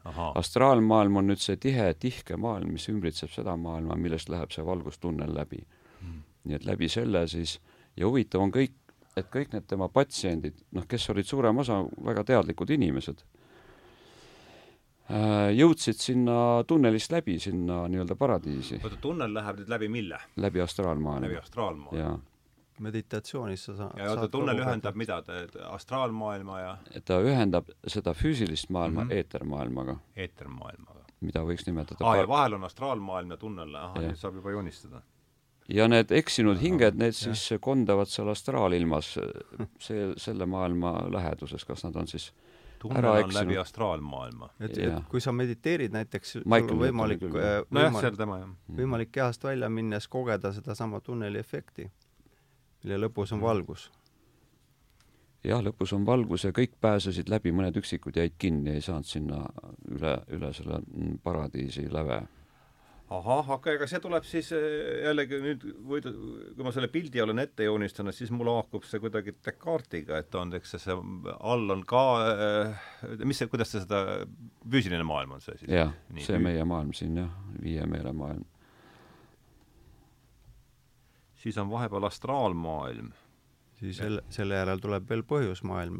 okei okay,, võtame praegu selle kolmese jaotuse. põhjusmaailma ma ei, on ilmselt kõrgem siiski eetermaailmast, kausaalkeha on kõige kõrgem. aga, ja see on siis eetermaailma, kuhu viib siis see tunnel, et see oleks jällegi noh, mina saan teda niimoodi oma endale tundavate tund-, endale tuntud skeemi tõlkida niimoodi, et on füüsiline maailm, siis on hing vahepeal ja, ja vaim, eks, et see on põhimõtteliselt keskaegne niisugune see on hingemaailm võib-olla, sest tõesti, Ken Wilberil on ta subtiilne maailm. Astraalmaailm siis? ei, ei, eetermaailm. oleks see on see, budismis on ta siis äh, samboga kaja ehk õndsuskeha. on dharmakaja, on see puhas teadus, siis on see paradiisimaailm, on õndsuskeha. ja siis on nirvana kaja, on siis see füüsiline maailm, see on see kannatuse riik siis mm. -hmm Vene, vene kultuuris on üks väga ilus asi, mis meil kõigile on teada, on matrjoška. et, et kui sa selle lahti võtad, siis täpselt samasugune on seal sees, on natuke väiksem mm. -hmm. siis võtad jälle lahti ja jälle, jälle järgmine samasugune. aga öelge nüüd ja lõpuks, lõpuks jah. viimane on see, mida sa ei ja. saa enam lahti võtta. kõik, kõik arusaadav, see on see, läheb sinna at-, Atmanisse ja hakkab minema vaikselt. et see on nagu selline sümbool. no mandalad on ka, keskel on tühjus. aga ikkagi ütlen palun, mis, mis skeemi ma nüüd siia joonistasin, kelle, kellelt see tuleb, see, see füüsiline, see tunne? Michael Newtoni Michael Newtoni skeem on see, jah ja. mm? -hmm. aga Michael Newton iseloomustab sellega mida? Äh, ta iseloomustab sellega seda, kuhu tema patsiendid või kliendid läksid äh, selles eludevahelises elus. ahah, okei okay,, see on tema see, kaart siis, jah? läbi astraalmaailma läksid eetermaailma mm. -hmm. ja osa eetermaailmas äh, neid hingi õpib ka päästma neid, kes on kinni jäänud astraalmaailma. õpib neid nagu tooma sealt ära. Ja muide ka, kui ma tõlgin praegu Victoria Raidose raamatut äh, rah-, rahva traditsioonist, paljude rahvaste surmatraditsioonist, siis seal on see kinnijäämine, see, see on väga oluline ja väga selline noh, murettekitav äh, klausel mm. -hmm. et seetõttu need riitused ja need mälestamised ja kõik on väga olulised, et inimene ei jääks kuskile vahele rippuma, kahe maailma vahele. ja see on ikka purgatoorium on natuke meie no, nii, eks ole, lääne teoloogias on see ilmselt ju see vahevöö, milles Just. üks võimalus seda kui vaadata näiteks tänast päeva, täna on suve algus, on ju, mhm. ja siis äh, äh, Indias räägiti selle kohta nii, et äh, need, kes sünnivad või lahkuvad kehast äh, jõuludest kuni suvi, suve pööripäevani lähevad päikesemaailma ega tule mhm. enam kunagi tagasi. Need, kes sünnivad või lahkuvad kehast eh, siis peale suvist pööripäeva kuni jõuludeni, need lähevad kuumaailma ja tulevad jälle tagasi ja, ja tuletame meelde, et see eesmärk on ju seal, saab, sa, nii palju kui mina olen sellest aru saanud, astuda välja sellest taassündide tsüklist, eks, et see on parim, mis et surja, päikesemaailm on surjalooka, mis on siis noh, ütleme meie silmade järgi lihtsalt üks tulekera mm, -hmm.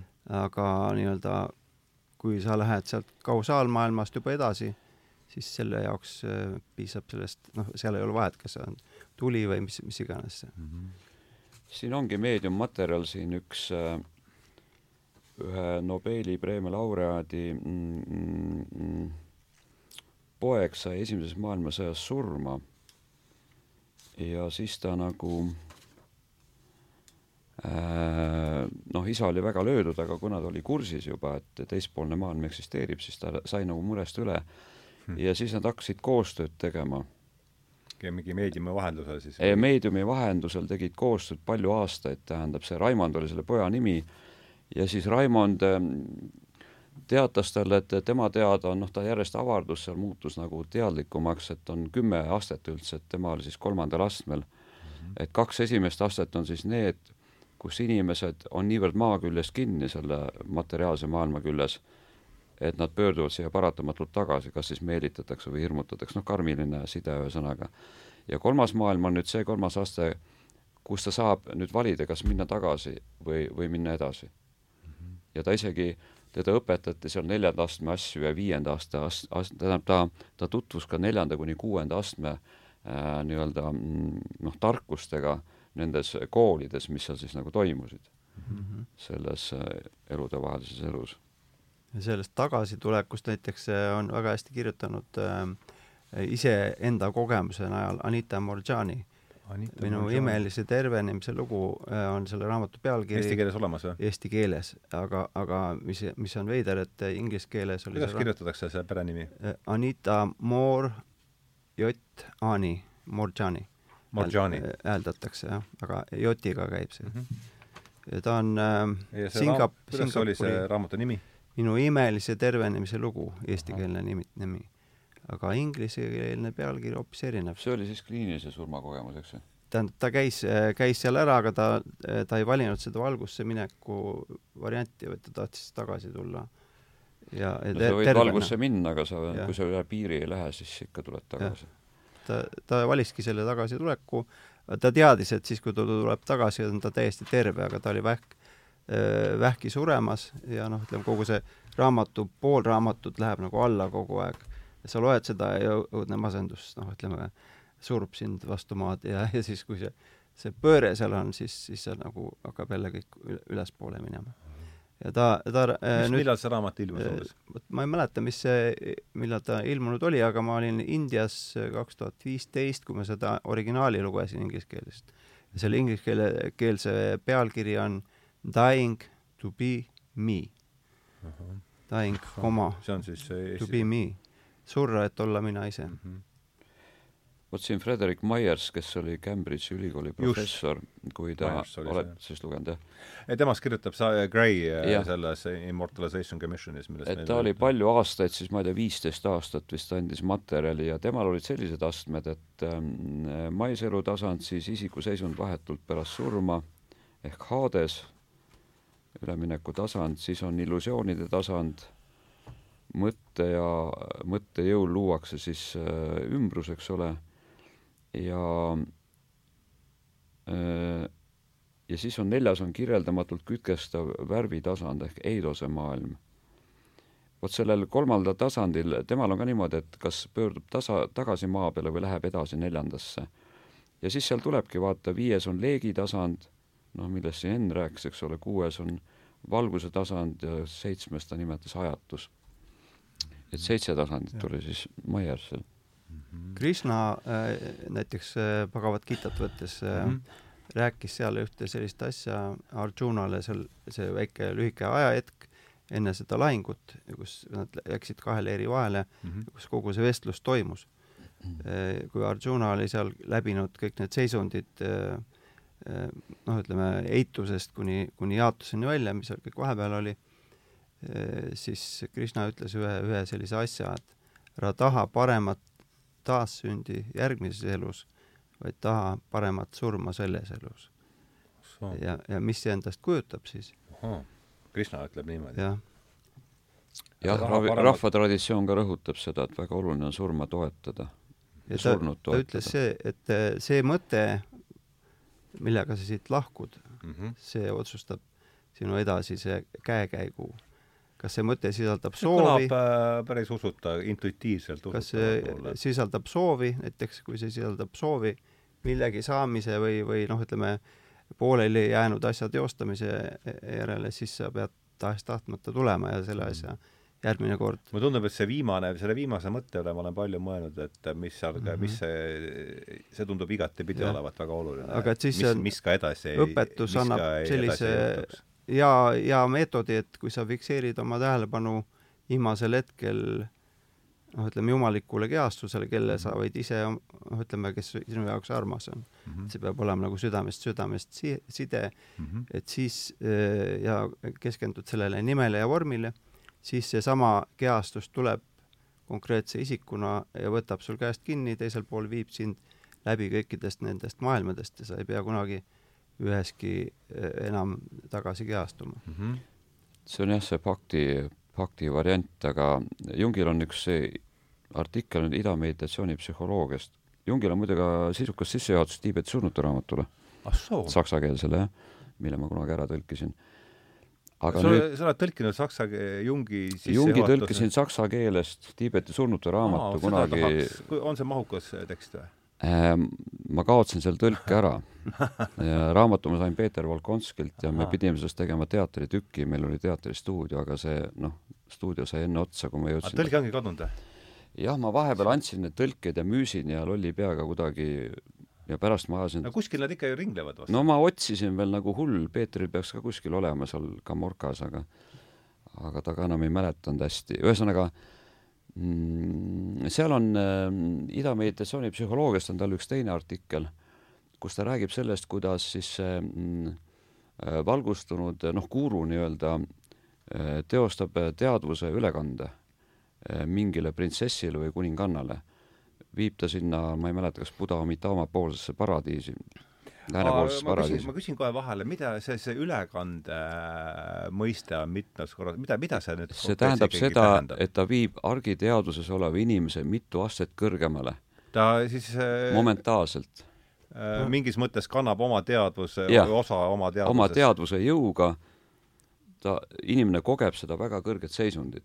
ta ei pea selleks laeb kasutama. mingi Bluetoothiga faili ja, siis ütleme, ta, ta võib, võib teha tehnoloogia on olemas siis väidetavasti. ta pea, ta ei pea kasutama psühhoteelikumi selleks, meditatsiooni, ta lihtsalt tõstetakse sinna.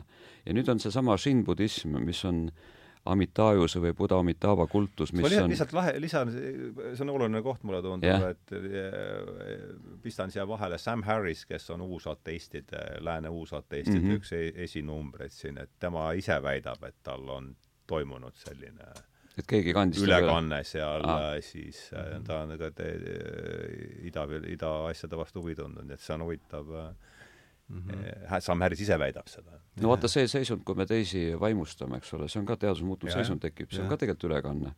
Osho tekitas pidevalt oma satsangidel ülekannet, inimesed tulid õndsuses, eks ole, nad mhm. sulasid seal. aga see ei olnud ülekanne nii... toimub ka praegu. ka praegu toimub ülekanne, jaa. aga see ei olnud nii kõrge ülekanne, mida Lung silmas pidas. tervenemine samamoodi, kui sa ja. näiteks imeliselt tervened kuidagi mm -hmm. hetkega, see on ka millegist mõjutatud. see seisund siis tervendab, aga, aga ma tahtsin nüüd öelda, et et see Shin-budism, noh, ma käisin Jaapanis jälle, ka jälle uus sõna. Need tem-, tem-, templeid on seal palju. Shin-budism? jaa, see on siis Buda Amitabha läänepoolse paradiisi kultus ja seal on sellised meditatsioonid, mida siis Jung kirjeldab selles artiklis, kuidas visualiseeritakse järk-järgult järjest esteetilisem visioon. ahah kuni see saavutab, noh, selle saavutamine võib-olla võtab kuid ja aastaid, saavutataksegi väga kõrge teadvuse muutunud seisund, sisuliselt paradiisi seisund, mida me muidu kogeme võib-olla sügavates selgetes unenägudes. ja nüüd, kui me tekitame selle seisundi, see on ajutine seisund, see ei ole pidev, ütleb nendel adept-, adeptidel, väga kõrgetel adeptidel on ta muidugi pise-, pidev. ja kui me tekitame selle seisundi nüüd surmahetkedel mm, -hmm nii nagu Enn rääkis, siis me sünnimegi sinna Buddha, Buddha Amitabha läänepoolsesse paradiisi, sinna puhtale maale, kust edasi nirvaanasse liikumine on väga kerge mm. -hmm. seal on siiski mingi vorm veel. et see on nagu vahe, vaheaste seal siis mm -hmm. äh, argimaailma ja nirvaana vahel budismis. jah, võib-olla siis noh, ütleme seda võib ka nagu iseloomustada sellise väljendusega nagu ütleme, kui me võtame siit laua peal selle äh, Yogananda, äh, siis tema õpetaja, kui Yogananda, ütleme, joogi autobiograafias oli sellest pikalt-laialt juttu, kui Yogananda otsis kogu aeg õpetajat, pool seda raamatut äh, oli seotud sellega, et ta otsis oma õpetajat. ja, ja kui ta siia sündis, siis tema emale anti mingisugune märk sellest, et, et õige, tuleb õige aeg, õpetaja tuleb. aga siis Yogananda käis ringi, äh, kohtus erinevate joogidega uuris nende eh, õpetusi ja tahtis saada pühitsust, selle pühendumist sellesse Jumala teostusse viimasesse etappi, kus sa saad nagu selle võtme mm, -hmm.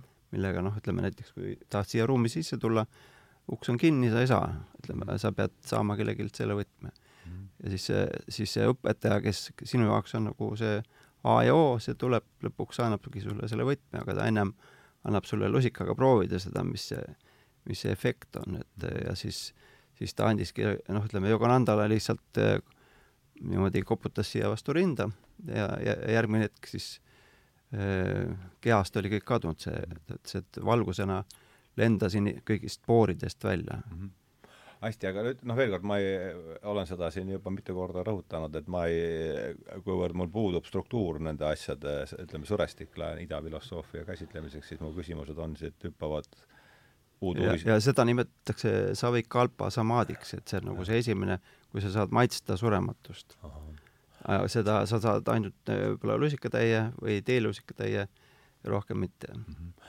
aga mida nüüd arvata sellest mõttest, et Atman on, äh, kuidas, kuidas selle e,, kuidas kogu selle eeltoodud jutu taustal nüüd see niisugune ida filosoofiast meelde sööbinud lause, et Atman on, Atman on Brahman ja, ja, ja vastupidi, et mis, sellest tuli juttu tegelikult vist saja viiekümne üheksandas saates äh, viimati, see on käinud läbi mitmest saatest, aga sada viiskümmend üheksa saade minu meelest oli Surm ja fotograafia, kus oli siis mm -hmm. üks, äh, või tähendab, Karl Käsnapuu, kes on uurinud just nimelt surmalähedaseid kogemusi ja Jaak Ikas, füüsik Mm -hmm. et seal tuli see Atman ja mhm. Brahman see oli üsna hiljuti, jah. jah, kuidas teie sellest Brahmani ma rääkisin ennem küünlast ja, ja sellest, kust see küünal valguse sai mm, -hmm. siis neid kahte äh, asju, asja näiteks, et kui üks äh, valgus oli see, mis süütas väiksed valgused mm, -hmm. siis ongi, ongi nii, et see väike valgus ei ole erinev sellest, kes, kes selle valguse süütas.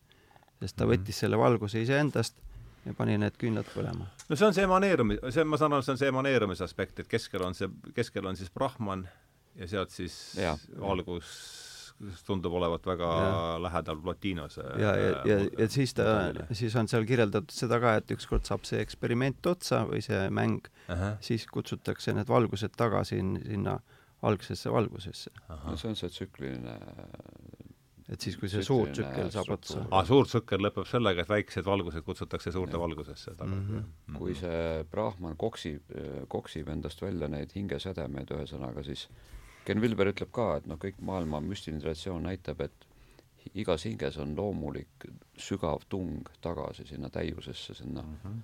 üksolekusse või üksolemisse duaalsusest välja mm. -hmm Upanishad ütleb, et seal, kus tekib kaks, seal on kohe ka ärevus ja hirm paratamatult. Indias... Upanishadid on nüüd vana, see on, see on nüüd Vedade järgne, eks ole. kirjeldused ja tekstid, noh, meetodid ja õpetused mm -hmm. ja mhm. selgitused. Upanishadid on mis ajastu umbes, mis, mis ajand? no see on väga, väga pikk, pikk ajavahemik. nagu juba Shankara, Shankara ajast ilmselt siis juba.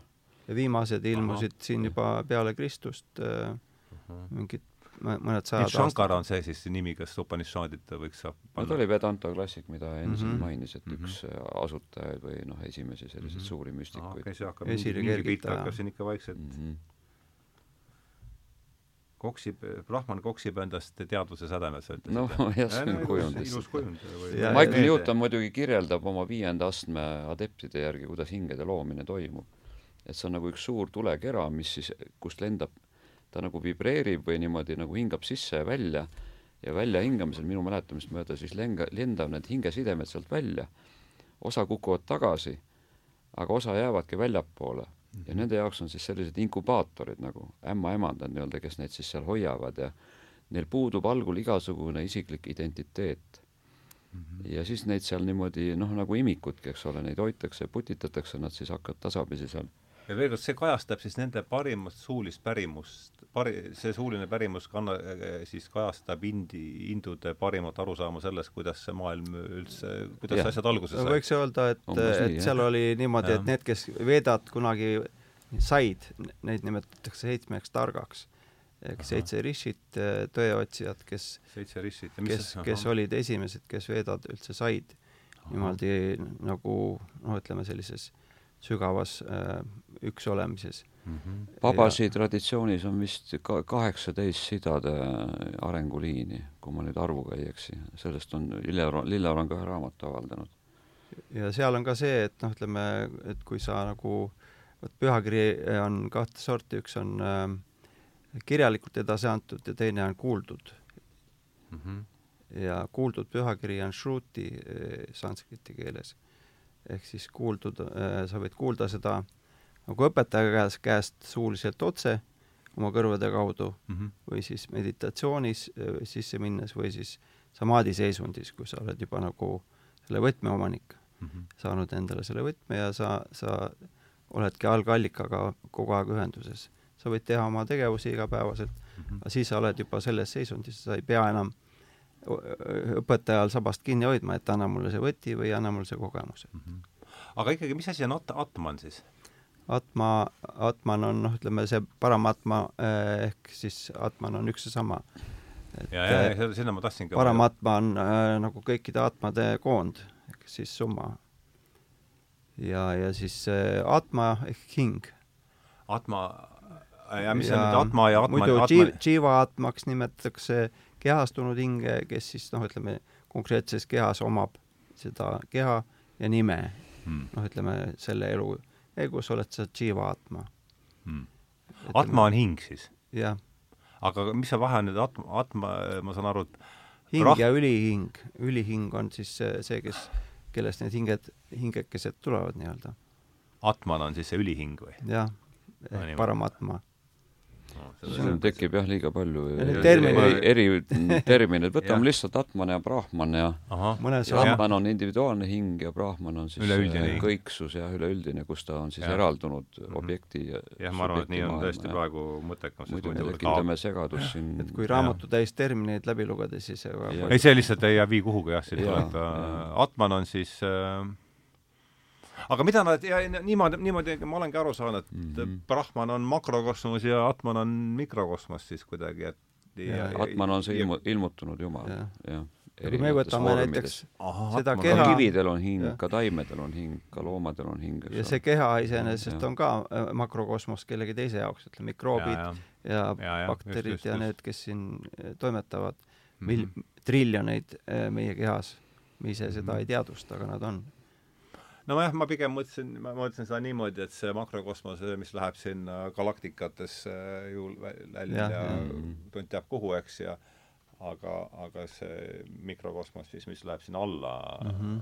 jah, välja ka, lõputu tont teab kuhu ja lõpuks on nad Mhm. niisugune lõpmatuse füüsika või matemaatika on vist ka, noh, ma, isegi füüsika on tekkinud jah, kus siis äh, ongi see tees, et äh, allapoole on lõpmatu, tähendab, väiksuse suunas ja suuruse suunas Jah. on lõputu. Et seal ei ole mingeid piire, kuigi see on üks võimalus sellest lausest sotti saada Mhm. mm, -hmm. Jah Brahman, eks. jah, võib-olla küll. et, et kui näiteks tulla tagasi jälle selle õpilase õpe, õpetaja vahekorra juurde ja se-, selle juurde, et õpetaja saab anda õpilasele kogemust ka siis, kui õpet-, õpilane ise seda ei küsi, ehk siis ta lihtsalt teab, et see õp-, õpilane konkreetselt seal on valmis selleks kogemuseks, vot nii palju talle tuleb anda et ta saaks nagu eh, nii-öelda seda power'it juurde, et oma eh, seda otsinguteed lõpule viia Mm -hmm.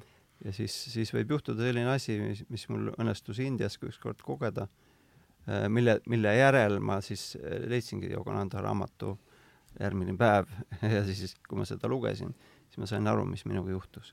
Aga räägikski need üldse nendest enda vahetutest kogemustest Indiaga, et kuidas te üldse, kuidas te Indiasse sattu-, mina pole Indias, pole Indias käinud, aga kuidas Indiasse sattusite, mis seal esimesed äh, mingi niisugune isik, isikliku kogemuse lugu India? Et, et minul see hakkas pigem mitte minuga pihta, vaid vanaisa, vanaisa kä- äh,, pärandina sain endale Agni Yoga raamatu kunagi. mis asja? Agni Yoga, Agni Yoga. venekeelne raamat, et, et see on olemas, selline seeria, Jelena Röörich kirjutas üles kunagi. mis asi, mis see, mis see on? Elava Ahah. eh, elu eetika on selle siis Agni Yoga. Agni Yoga, jah. Mhm. ja, ja siis eh, seal seletatakse seda, et see Agni, noh, ütleme, see on tule, tuli ja see tähendab seda, et, et sa tegeled selle jooga käigus oma negatiivse jama ärapõletamisega, et Mhm. ütleme, vabaneda kõigest sellest koormast, mis sul on siin läbi kõikide kehastuste veel kusagil siin seljakotis olemas. Mhm. et, et pole mõtet neid pagaseid kogu aeg kaasa äh, kanda, pigem vabane neist ja ta, äh, noh, kui sa reisid ilma pagasita või, või vähe, väikese pagasiga, siis sa tead ju, lennukis ka on väga Traveling light on mugav traveling light, väga mugav. ja, ja siis äh, see raamat äh, nagu, kuna mul oli sõjalaevastikus, Nõukogude sõjalaevastikus kolm aastat või? kolm, kolm aastat ahah, kus sa siis vene keel väga edukalt käes. kus sa, kus sa istusid? Sevastoopolis olin. Ah, nii, kolm aastat, jah. siis jah, Musta mere peal? Musta mere peal. allveelaeva või, või siis Pealveelaeva. pealveelaeva, mis laadi laev? eskaadri miiniristleja, sada nelikümmend viis meetrit korda kaksteist, noh, ütleme selline, millel oli tõutõrjeraketid ja muud asjad seal peal. ja palju aega merel siis? juhtus nii, et, et see laev seisis dokis enamus Ah, ajast remondis ja, mina käisin merel vahepeal kaatri peal olin diviisi komandör ja vedasime ühest, ühelt kaldalt teisele vahel avamerele ka suurte laevade peale. ja, ja siis noh, ütleme selline kaatril oleku kogemus oli pigem seotud merega, mitte laeval olekuga. noh, laeval olemine on lihtsalt elu laevas ja siis päeval läksid tehasesse tööle mhm. lihtsalt lulli lööma või aga koikud olid siis laeval, jah? koikud olid laeval, jah, ja korda hoiti ka nagu Preisisõja koolis. kui suur see laev siis oli või mis? Eh, noh, ütleme sada nelikümmend viis meetrit on päris ma mõtlen jah, et palju mõõdupuus. inimesi peal? seal oli muidugi pool, pool seda staff'i, et inimesi ei olnud väga palju, et oli kolmesajast oli võib-olla sada viiskümmend nii, okei okay,, aga siis hästi nii, et siis kolm aastat, no, kolm aastat sõjaväes ja vene keel on selle võime, võime, et nii. Äh, mõtlesin vene keeles ja, ja nägin und ka vene keeles. nii, ahah et see no, kolm aastat on pikk aeg. koju tulles lõpuks, kui see kolm aastat hakkas täis saama, äh, üks kuu enne äratulekut sain veel puhkusele, vanaisa suri ära ja lasti hm. matusele. kas sul Nõukajas siis mingit baasi enne ei olnud? Äh, vene keele? Oli küll, selles mõttes, et vanaema oli Peterburi haridusega no, ja vanaisa ka, ma sain kuueaastaselt lugesin juba korralikult vene keele nii-öelda A, abc-d, äh, tähestik oli selge. mängisid vene lastega ka? ei mänginud no,. Kuressaarest, äh, Kuressaarest? Äh, Kuressaarest pärit ja seal väga nagu venelasi niimoodi päriselt ei kohta, kui, kui, kui ta noh, ütleme tead, et kes on venelane, aga noh niimoodi, et, et sa oled koolis venelastega, sellist asja väga ei ole mm. -hmm okei okay,, aga siis Agnioga, see oli vene keeles ja kuidas see siis, mis sealt ja see, see raamat sealt, noh, see oli nagu piibel kirja pandud, et seal on peatükid ja siis on paragrahvid kõik nummerdatud mm. -hmm. ja siis sa loed seda teksti nagu, nagu numeratsiooni alusel, sul jääb meelde näiteks, mis peatükk ja mis paragrahv mida rääkis mm. -hmm. ja siis sealt ühest kohast leidsin sellise väljendi, et inimkonna kuldajastu tuleb uuesti tagasi niisugune lause jäi meelde. et see, kuidas need ajastud on kunagi eksisteerinud, et on kuldajastu, veeajastu, pronksiajastu ja rauaajastu, et see kogu aeg kordub. see on Vedades ja Vedantas vist ka või? et see ring, ringkäik nagu kordub, aga see kuldajastu on neist ja teised noh, satjajuuga. kuldajastu neist on kõige pikem. ja, ja selle kuldajastu nimeks saab olema satjajuuga ehk tõeajastu, tõeajastu mm -hmm. tõeajastu. ja noh, ütleme, kui ma Indiasse läksin, see oli juba aastaid hiljem tegelikult. see, see Agni Yoga õpetus juhtis mind äh, siis Satya Sai Baba äh, õpetuste juurde ja Indiasse ma läksingi põhimõtteliselt sinna ashramisse. Äh, kuhu kanti siis Indias? Bangalore'ile Eestil, see on siis sada nelikümmend kilomeetrit põhja poole aga me reisisime noh, eranditult kõik korrad äh, Indias rongidega, nii et äh, see rongi, rongi reisimine muutus armsaks ja, ja ma olengi jäänud selle traditsiooni juurde, viisteist korda Indias käies äh, iga kord sõita rongiga mm. sinna lõpp-punkti, et noh, mm. ütleme seal näeb seda, sa mm. suudad nagu sisse elada uuesti, mitte niimoodi, et tuled lennukiga plärts kohale ja oled, oledki seal järsku selles teises noh, ütleme teises kultuuris, teises situatsioonis. teine maailm, eks ole. rongis sa oled nagu aklimat-, aklimatiseerumise võimeline natukene ja elad sellesse sisse, näed inimesi, sööd India toitu, kolm päeva käid seal vahepeal perrooni peal natuke ringi ja e, tähendab, et olenevalt sellest, kui pikalt see, see reis on, siis kas kaks päeva rongis või või siis oled vahepeal kuskil peatud, siis saad pikemalt sõita niimoodi. või platskaardi vagunid või kuidas see käib? Äh, noh, ütleme esimese klassi vagun on eraldi kupeega, aga platskaart on nii nagu no ütleme, selline läbikäidav, kus on ja. sul jalad pikad, siis kellelgi nina läheb vastu su varbaid näiteks ja mis aastal esimene kord käik oli siis? üheksakümmend viis. et see oli siis, kui ma olin viis aastat juba nagu selle suuna peal olnud ja seda selle õpetusega kursis olnud, teised inimesed, tuttavad juba käisid edasi-tagasi, aga mul ei olnud veel sellist tõmmet ja et ma peaks minema. see tuli alles siis, kui ma olin Abruka saarel ühe suure seinamaali ära maalinud ja Aha. et noh, seal kultuurimajas see siiamaani vist eksisteerib mm.. milles, mis maal? seal on äh, äh, Krishna, Sai Baba ja Jeesus on ja koos siis äh, saja kaheksa inimesega taustal, taustal on selline Abrokal, jah? Abrokal, jah. templikompleks ja mäed siis. et see oli selline ka nagu unenägudega seotud asi, mis viis selle maali tegemiseni siis. seal oli üks äh, omanik, kes selle keskuse ära ostis ja tema naine tuli kord meile sinna Kuressaarde ja küsis, et ega teil ei ole raamatuid Saipabast ja siis juhtumisi oli ja sai saata raamatu, tema abikaasa tahtis saada. Ja siis andsin oma telefoninumbri ja pärast siis äh, oli juttu sellest, et sellel abikaasal Rolandil oli unenägu või tähendab visioon põhiliselt, et mis selle kultuurimajaga teha ja, ja et seal on saal. et küsis minu käest nõu, et, et äkki saaks kuidagi ühitada midagi. ja siis, aga mina nägin enne seda und, unes oli täpselt samamoodi oli saal. ja, ja siis sai Baba kutsus mind sinna saali ja ütles, et mul on maali vaja.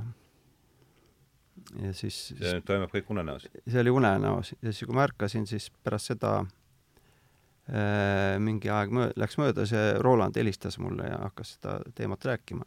Mm.. temal on selline saal -hmm. et äkki annaks siia midagi sellist tekitada. Ja siis, siis läkski nagu asi kuidagi nagu iseenesest sinna kanti, et ma läksin sinna appi seda reno-, renoveerima ja see oli väga noh, sellises kehvas olukorras. Kõik need e, mõõtmatud elektri- või keskkütteradikad tuli välja lõigata ja e, ta oli sealt need välja visanud ja hiiglasuured e, rasked kardinad ja tumedad seinad tuli ära värvida heledaks ja nii et see oli see üheksakümne viiendal aastal pärast äh, oli esimene küllaskäik ja siis, kui maal valmis sai, sisuliselt äh, saime äh, tšarterreisiga Moskvast Indiasse sõita. ma küsin vahele, kuidas Peetri esimene kord, kuidas sa jõudsid Indiasse? ma ei ole käinud Indias. sa ei ole käinud Indias, jah? ei ole tõmmanud. mind üldse ei tõmba reisima ausalt öelda, ma ei ole, noh, kõige kaugem koht on vist äh, Lvov. ah nii koolipõlves vanematega käisime läbi Uskoroodi. sul sellist ja... reisipisükut siis ei ole ei, väga, jah? ei. aga kuidas huvi siis üldse India vastu, kuidas sul tekkis see India vastu mul ei ole erilist huvi aga oh. välja arvatud jooga jah, ja, ja nüüd Vedanta budism on nagu rohkem tõmmanud. aga kuidas sa jooga juurde sattusid ah.? Ma isegi ei mäleta, ma ei tea, Om Raama Tamm vist, Mihhail Tamm oli kunagi meil üks müstik niisugune, kes hiljem läks, äh, saadeti välja siit. Vene ajal siis? Vene ajal jah, ta elas seal Paide lähedal, käisime külas tal ja ja ta kirjutas siis juba selliseid vedantalikke null, nulltekste nii-öelda.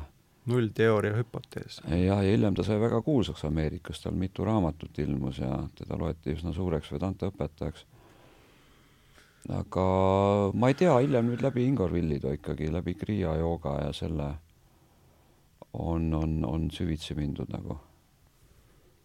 ja ma käisin muidugi ka hatha joogat õppimas Soomes, Soomes paar aastat üheksakümnendatel koos meie esimese põlvkonna joogatreeneritega okei okay,, aga no üritaks siis seda kaarti luua siin, et mis on need põhilised jooga koolkonnad, koolkonnad siis, et saaks natukenegi mingit süsteemi või mis asi, jaa, küsime kõigepealt, mis asi üldse jooga on? Mõlemale küsimusele. jooga on distsipliin. nii, jooga on distsipliin. ühest küljest. nii, jooga on distsipliin, hästi. aga mis distsipliin, mis teda eristab teistest ja teisest küljest öeldakse, et jooga on üks olemine Jumalaga. jooga üks tõlkeid on taasühinemine ehk siis taasühinemine nii, jooga on distsipliin ja mis ta oli, mis, mis see siis tegelikult oli? üks olemine Jumalaga. ahah, nii, üks olemine. ja põhimõtteliselt see distsipliin viibki lõpuks, lõpuks sind sinna sellesse noh, ütleme, seisundisse ja olemise tasandile no,. vaimne praktika siis põhimõtteliselt. see on nagu religioongi, noh, üks mm -hmm. tähendus on religare ehk siis taasühendada. midagi tehakse. midagi mm -hmm. tehakse. tagasipöördumine allikasse. kuidas, kuidas sa, Peeter, mainisid, et see on jooga on distsipliin, üks olemine, üks olemine Jumalaga, sa lisasid taasühinemine, juits mm, -hmm. üks tähendusi on tal taasühinemine mm -hmm. siis selle noh, Brahmaniga või. Noh, kõrgemad samatid, mis seal tulevad juba vormitumistid, siis seal nirvikalpa samati ja sahaja samati, et, et jõuda sinna. no distsipliin tähendab saada siis mingi, kogum mingeid harjutusi ja praktikaid. no see võib Seda olla või... näiteks, kui öeldakse Indias, et äh, vaimne jooga kolm haru on bhakti, karma ja, ja gnana jooga, siis need ei ole, need ei äh, nõua sinult mingisuguseid konkreetseid harjutusi, vaid need ongi nagu, üks on tegevuse tee ehk isetu tegevuse tee, kus sa teed oma äh, mõtte, mõttega oma asju ja su mõtted on äh, mitte viljadel, vaid, vaid sellel tegevusel endal. pühendad need tegevused Jumalale. jah mm, -hmm. ei kiindu äh, sellesse, et ma tahaks nüüd saada, kui ma olen töö ära teinud, et andke mulle mm -hmm.. noh, naudid tööd nagu, annad ja. lihtsalt oma andest mm. -hmm siis on bhakti jooga ehk vot see oli esi-, mis, mis need kolm, kuidas ma need karma jooga. ei, mis asjad jooga nüüd. ei, mis asjad need kolm asja need on, need on jooga kolm? Need on vaim, vaimsed eh, joogasuunad, kus ei ole Aa, nagu kolm joogaliiki, neid on ja. rohkem muidugi. kolm joogaliiki võib ja. öelda, jah ja. ja seal ei ole konkreetseid harjutusi, noh, ütleme, on meditatsioon, aga noh, muud erilist sellist ei ole. mis oli nüüd esimene siis, millest me rääkisime? karmajooga, karma isetu te-, töö ja tegevus. isetu töö ja te-, karmajooga on isetu töö ja tegevus no sa oled siis... ka niisugune karmajoogi siin tegelikult no. teed oma, sest vaata see kui isetu seda sa... saab alati arutada, eks saa. ei no jah, muidugi tuleb ka elatada ennast, aga ikkagi, kui sa teed seda oma andes ja kutsumuses, siis see ongi noh, karmajooga minu jaoks. siis on gnjana jooga, ehk siis äh, seda kirjutatakse natuke teistmoodi, aga kuidas kirjutatakse?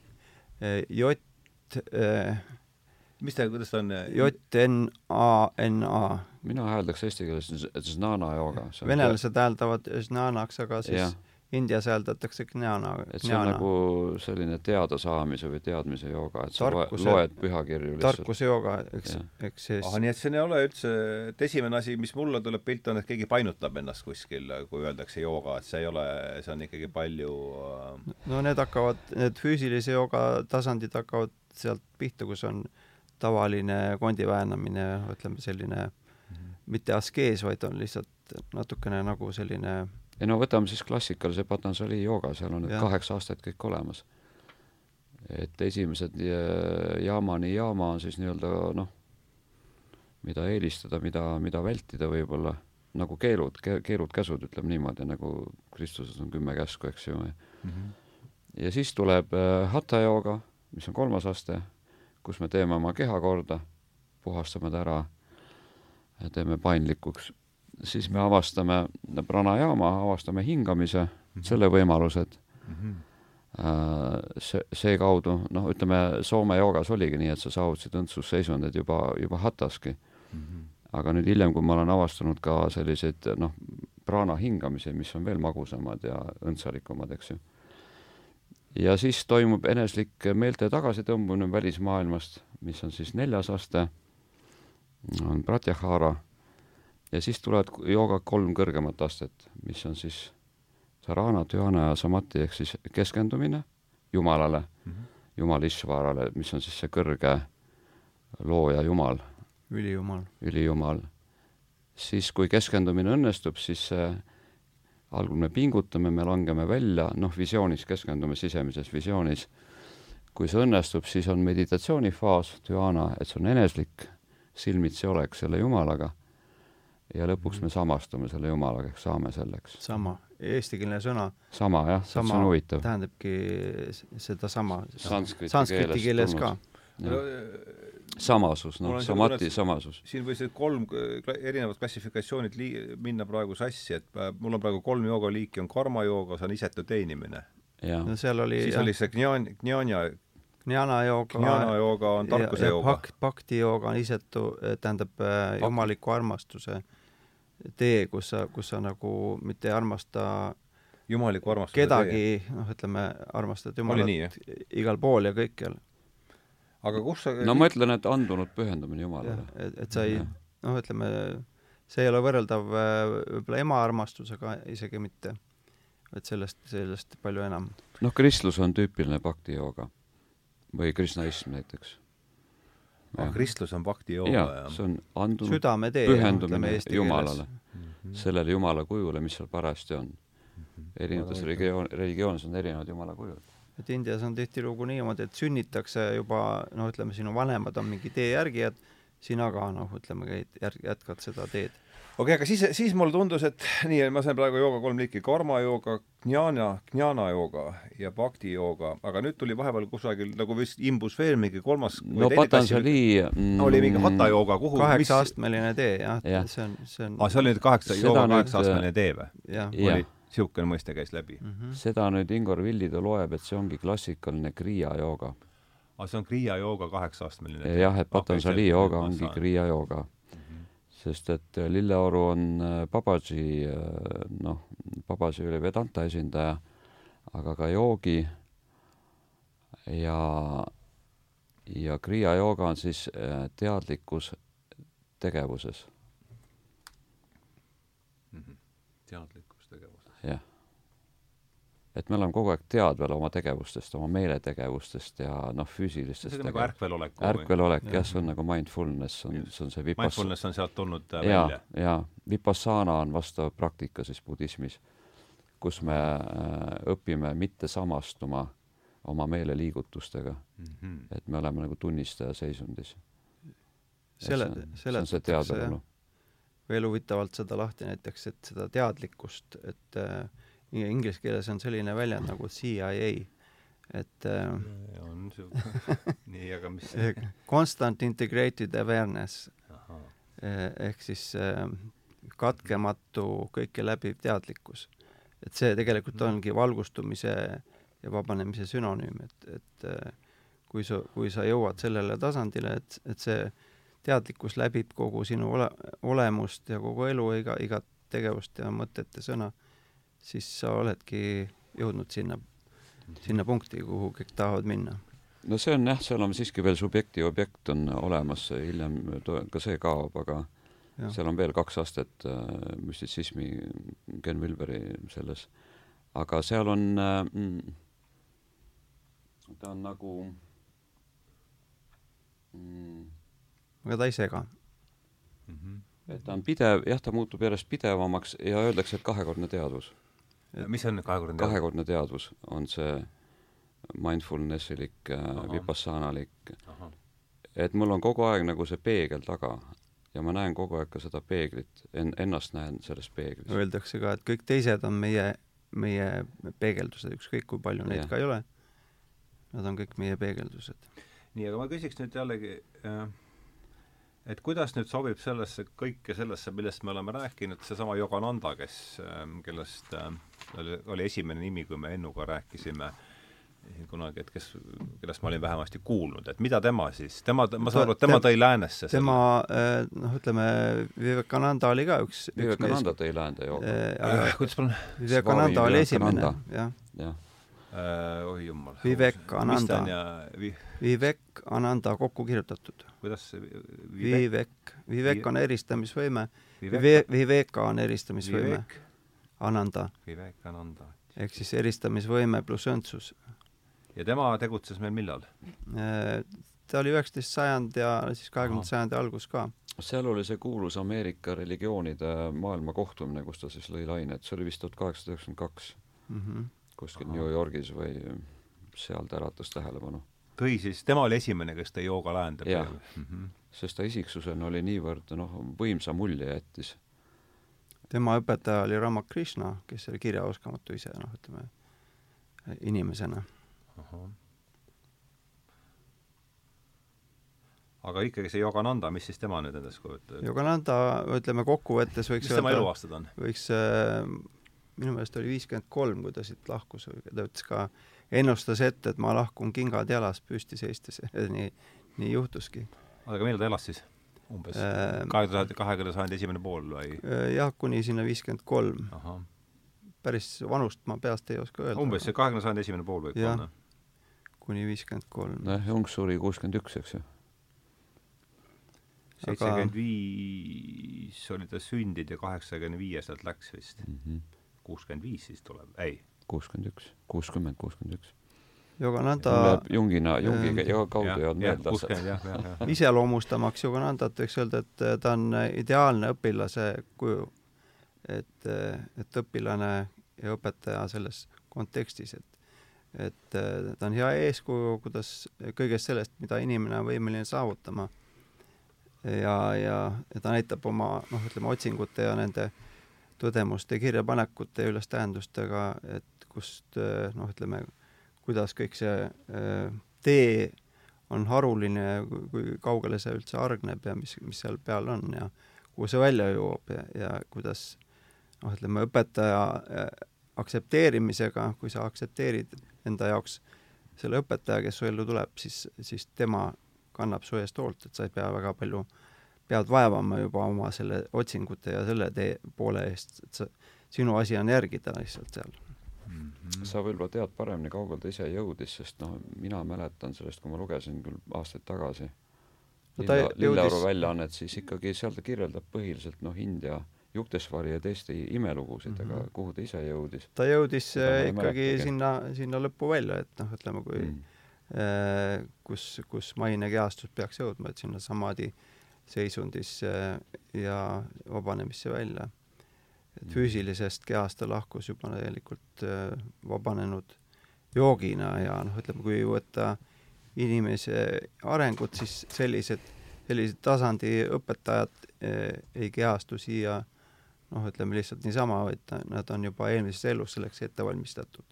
Jeesus ka, noh, ütleme, oli juba varasemates eludes läbinud kõik need etapid, et ta oleks võimeline eh, õpetajana tegutsema selles elus. ja veel kord, seda nad võtavad etteantuna, eks ole, et see ta-, taassünd, see on, eh, see on no midagi, mille üle ei isegi no nad tajuvad, et see on nii madal maailm, see on nii kannatusrikas, no see on esimene neljast budismi üllast tõest, et elu on kannatus. Need on läbinäge- no,, nägevad inimesed, nad ei tee endale illusioone, eks ole. Kes tulevad siia nagu juba konkreetse missiooniga, nad ei tule siia selleks, et nautida neid noh, meeltetasandeid ja neid hüvesid, mida elu võib neile ette anda või mitte anda, et ütleme. aga see on huvitav, kui pühaks sureb, et siis Indias on üks näitaja on see, et kui ruttu see keha nagu, kuivõrd ta säilib ja kuivõrd seal on veel hea lõhn, mis säilib ja ja Tiibeti surnute raamatuga öeldakse seoses, et need adeptid, kes suudavad jääda sellesse algsesse, nad surevad küll, keha sureb, jäävad sellesse algsesse valgusesse, nad võivad olla seal nädalaid. ütleme, tavainimene minestab ja, ja kukub ära sealt, eks ole, aga aga valgustunud jäävad sinna nädalateks ja ilmselt see aeg nende keha ei lagune. aga nädal oligi selline. see aeg ongi, et see, ta, ta ja. omandab hea aroomi, ta omandab hea kiirguse, ta, ta on tervendav, eks ole, ja nii edasi. Seal raamatu lõpus oli ka toodud selle äh, me räägime seesamast Yoganandast praegu. surnu, surnukuuri või koroneri ülestähendus, kes kirjeldas Yogananda keha, noh, ütleme, situatsiooni seal kümneid nädalaid peale peale seda, kui, kui ta oli käest lahkunud. vot see on näitaja, jah, jah. Ja mulle tulevad meelde kohe vanad Karamazovid, vennad Karamazovid ja see suur pettumus, kui Sossima surnukeha hakkas, Sossima surnukeha, tuleb sulle meelde, oled sa Karamazovi ma ei ole lugenud? kahjuks, jah. No seal on üks raamatu arenguloos üks, nii vähe kui mina sellest aru saan, on üks vormivamaid kohti, kus, kus siis selle pühamehes Sossima äh, keha hakkab haisema ikka. nimi on tuttav jah, Sossima, nagu olekski lugenud. seal kõige lootus oli ka, et ta on püha mm. mees ja ja see, ma arvan, on jah, üks, üks romaani no ta, ta võis sellegipoolest püha olla, noh nagu siin suri üks abtiss ära ja ja millest oli ka vist saates juttu eelmises, et et teatas, et homme ma suren ära ja siis nunnad pistsid noh nutma, et, et kuidas sa sured, et inimesed käivad sul tervenda-, tervenevad kõik ja et pole midagi, matate mind siia kloostri aeda maha ja tulevad hauale ja ja, ja, ja siis hiljem ma sain teada, et see energia, eh, mida nad koguvad põhiliselt luudesse, nendesse nii-öelda reliikvatesse, et seal on niivõrd palju seda energiat, et see kiirgab veel aastakümneid, aastasadu, see terendav energia nendest luudest. Aga see pühakute säilmetega ja, siis äh, askeldamine, see on selle, selle taga on siis. Vend Vahindra, kellest hiljuti kuskil räägiti ka seal, kaks kanget äh, venda käisid seal Birmas, nemad, äh, vend Vahindra keha ei ole vot ju ka ära lagunenud, sellepärast tema ongi meie Eesti soost ainuke pühak siiamaani mm., no ütleme, ametlik. Mm. -hmm kas see tema õpilane kuulutati ka püha, pühaks? vot seda, sellest ma ei tea. kuidas neil see pühakuks kuulutamine üldse käib? seal Birmas või? no budistidel on vist äh, sarnane äh, traditsioon. mitte, et ma teaksin, kuidas see katolik, seal peab olema mingi tõest-, ega see niisama ei käi katolikus on, ikka... on paavsti pullaga vist, eks ole, aga ja see on ikka komisjon, see peab olema tõestatud ime, nii vähe, kui mina olen uurinud seda asja, või on tõestatud imetegu, imeteod ja, aga kuidas mm. seal see ma arvan, sama mingisugune kolleegium või kes siis seal kloostrid, templid, ülemad mm -hmm. ordud, eks ole, noh. aga budismis, kuidas, kas, kas budismis on üldse midagi äh, paavstile sarnast? Dalai-laama oli ju või on mm -hmm. Tiibeti budismis. Tiibeti, ah, Tiibeti budismi läks. Indias pühakud, pühakud saavad eluajal pühakuteks tavaliselt mm. -hmm. mitte siis, kui nad on ära surnud nojah, kui on märgata, et nad on ülivõimetega ja sest budismi kui sellist, ma saan aru siis, või no nii see, nii ei saa ka öelda, ma tahtsin öelda, et budismi kui sellist ei ole olemas, aga ikkagi on olemas, sest tahtsin jõuda sinna, et see on erinevad, ta on nagu mingis mõttes nagu protestantlik kirik, mis on ju no ta ongi hinduismi protet-, protestantism. eks ta on, ta on hinduis-, just ja, nimelt, jah. täpselt, ta tekkis ju Indias, eks ju. ja, ja, ja ta on hinduismi prote-, protestantism. ja millal ta Tiibetisse, Tiibetis oli algselt ikka siis šamanistlik pönn, eks ole, rahvausund ja, ja ta segunes sellega seal. just, just, just, just nagu, nagu Euroopas Kristus segunes siinse animismiga, jah ja aga millal nüüd lõi, äh, ütleme siis, budism lööb äh, hinduismist lahku, see on ka telje ajastu kusagil miinus kuues sajand. Buda oli kuues sajand enne meie aega. jah, täpselt. see on oluline, no see ei ole üllatus mulle, aga, aga kinnita-, kinnistamiseks, et budism on reformeeritud äh, hinduism, eks. ma just hiljuti mõtlesin selle Martin Buberi mõtte peale, et Jumal ilmutub aeg-ajalt uutel viisidel. ilmselt mm -hmm. teljeajast oli nüüd üks see, kus tekkisid need maailmausundid, eks ju mm. -hmm, just mm -hmm. selle kaheteistkümne sajandi jooksul ilmutus siis uus ilmutus väga erinevates vormides aga sina paned, huvitav, et sina paned, sinu arusaamine on selline, et sa võtad teljeaasta on kuni, sa räägid kaheteist aga Jaspersis niimoodi oligi, no okay, kuuendast olen... kuni kuuendani. ahah, okei okay,, mina olen siis saanud Jaspersist teist, mitte ma olen teda nii ainult nuusutanud, ma mõtlesin, et see, kui teljeaasta on käinud seal see miinus viissada kuskil, see kant. ei ah., minu meelest oli ikkagi kuni pluss kuuesajani. ma näen loogikat seal. kas see oli nüüd selle ajastu situatsioonis või mis raamatus see oli mm, -hmm. aga aga noh, iva on see, et just see, see on see aeg, kus tekivad suured äh, ja. siis äh, ja teised olid seal vahepeal, kristlus oli vahepeal, eks ole, suured monoteistlikud islam. religioonid põhimõtteliselt, eks, et tekib mõist-, tekib ettekujutus transcendentsist, saan, mina saan niimoodi aru, et üldse tekib see Platoni joon. kui ja. nüüd rääkida lääne kategooriatest, et et sinnamaani oli, oli see, oli meil tegemist panteismiga. võib-olla küll, jah jumal oli, hing oli, kõik, kõik elas.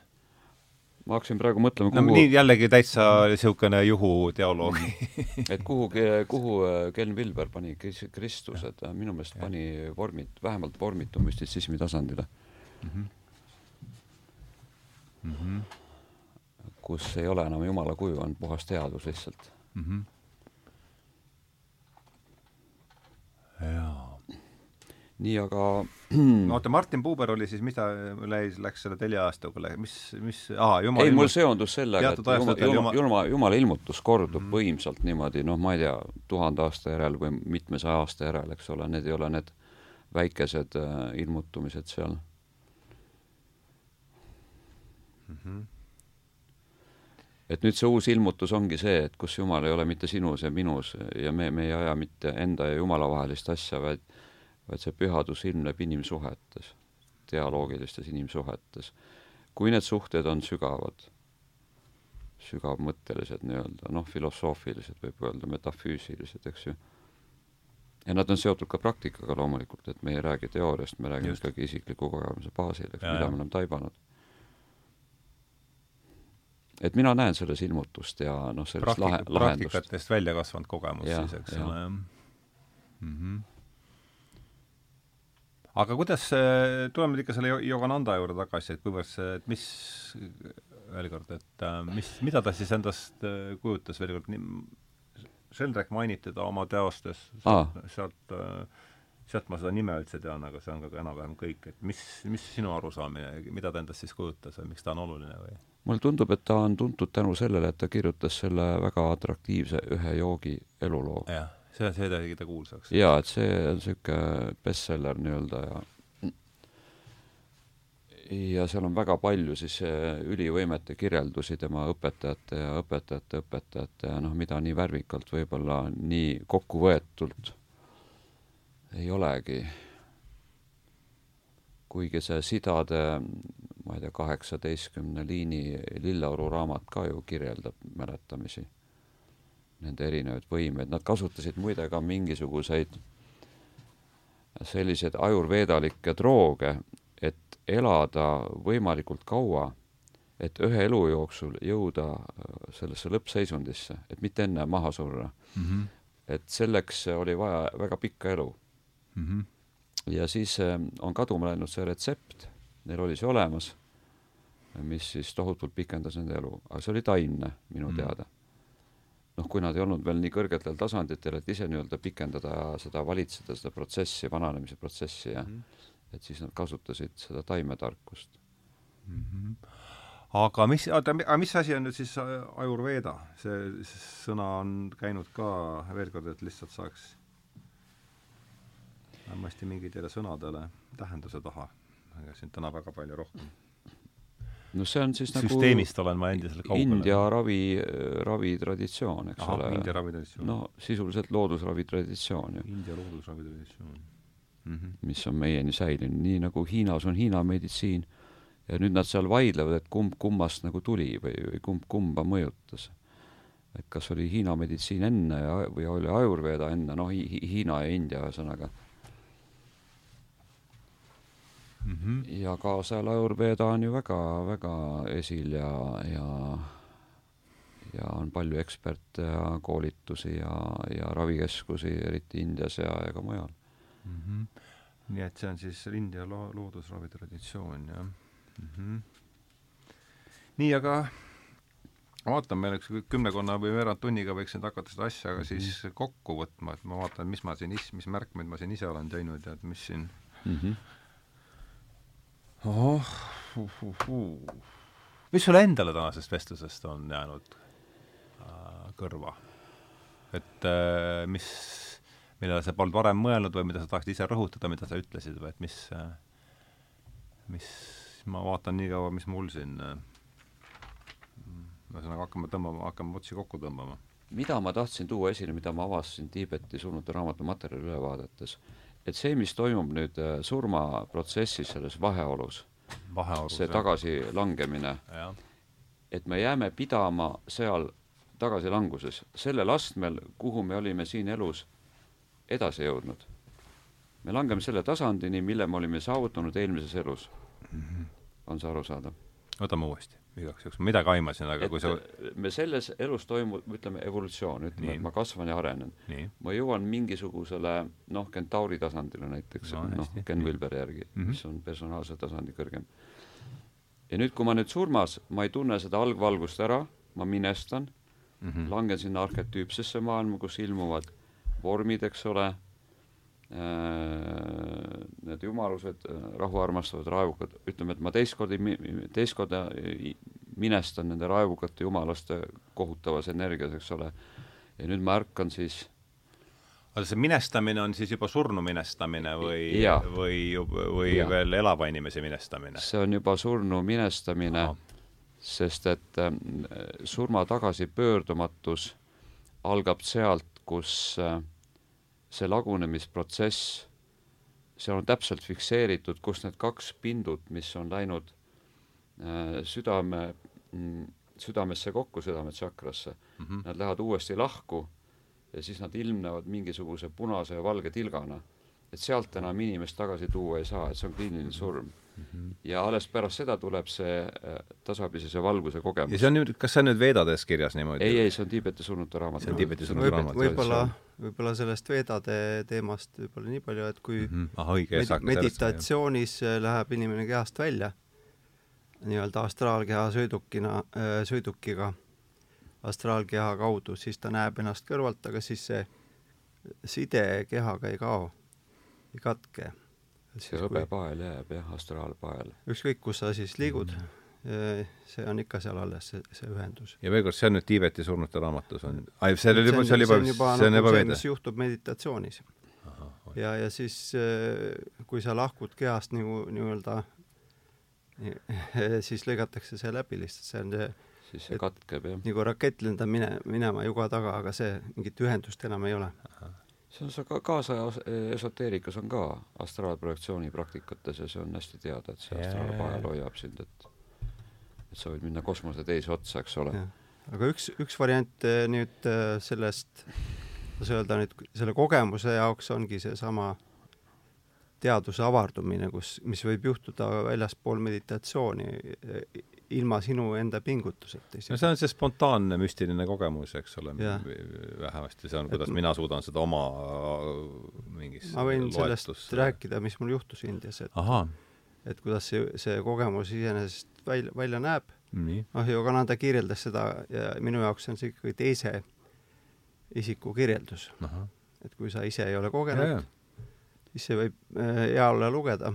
seda kergemini sa tunned selle ära tead kirjeldust. aga vaat ma lugesin seda kirjeldust siis, kui ma olin seda kogenud, mitte ennem. nii, aga, aga ma ei teadnud midagi, mis, mis minuga juhtus mm. -hmm.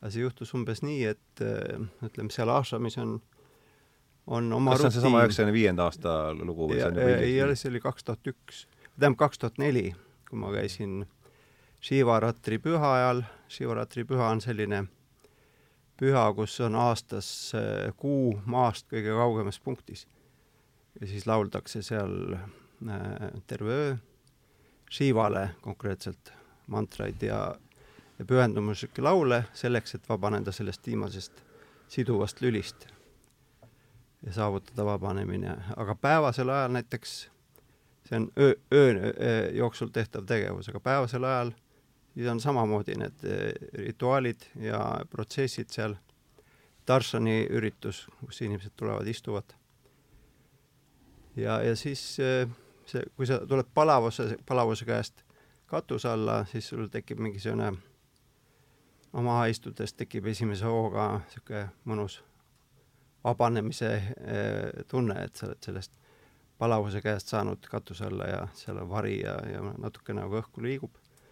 sa hakkad nagu rahunema. kogu see kuumus taandub ja kui sa mõtted suundad, suunad sellest kuumusest kusagile mujale, siis siis sa varsti tunned, et selline jahedus langeb mm üle keha.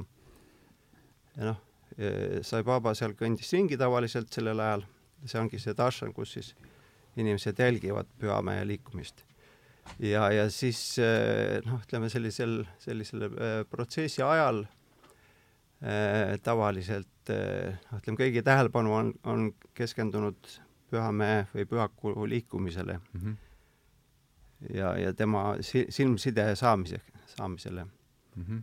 aga kuna seda ei olnud veel juhtunud, noh, ütleme enne seda inimesed lihtsalt istuvad seal paigas, igaüks tegeleb oma asjadega, kes mõtleb, kes mediteerib, kes räägib naabritega, kes lihtsalt vahib ühte punkti mm. -hmm. mina vaatasin, lugesin neid ornamente laes, vaatasin kuldsed ornamendid ja siis mõtlesin, et et, et loen üle, palju neid on. ütleme seal meeste pool ja naiste pool meeste poole, poolele silm ulatab ühest otsast teise ja sedapidi ka ja nad on kõik ühesugused ruudukujulised sellises kastis kuldornament, mandala ehk sellise ümmarguse rattakujulised. ja hakkasin neid lugema, vahepeal siis jälle keskendusin, vaatasin kaugele enda ette, noh, ütleme õhku lihtsalt vaatasin, kuidas õhuosakesed liiguvad. siis järgmine kord, kui ma tõstsin pilgu üles lakke, kohe olin nagu kedagi kehast kadunud mm.. ja järgmisel hetkel lihtsalt olin, olingi kõikjal.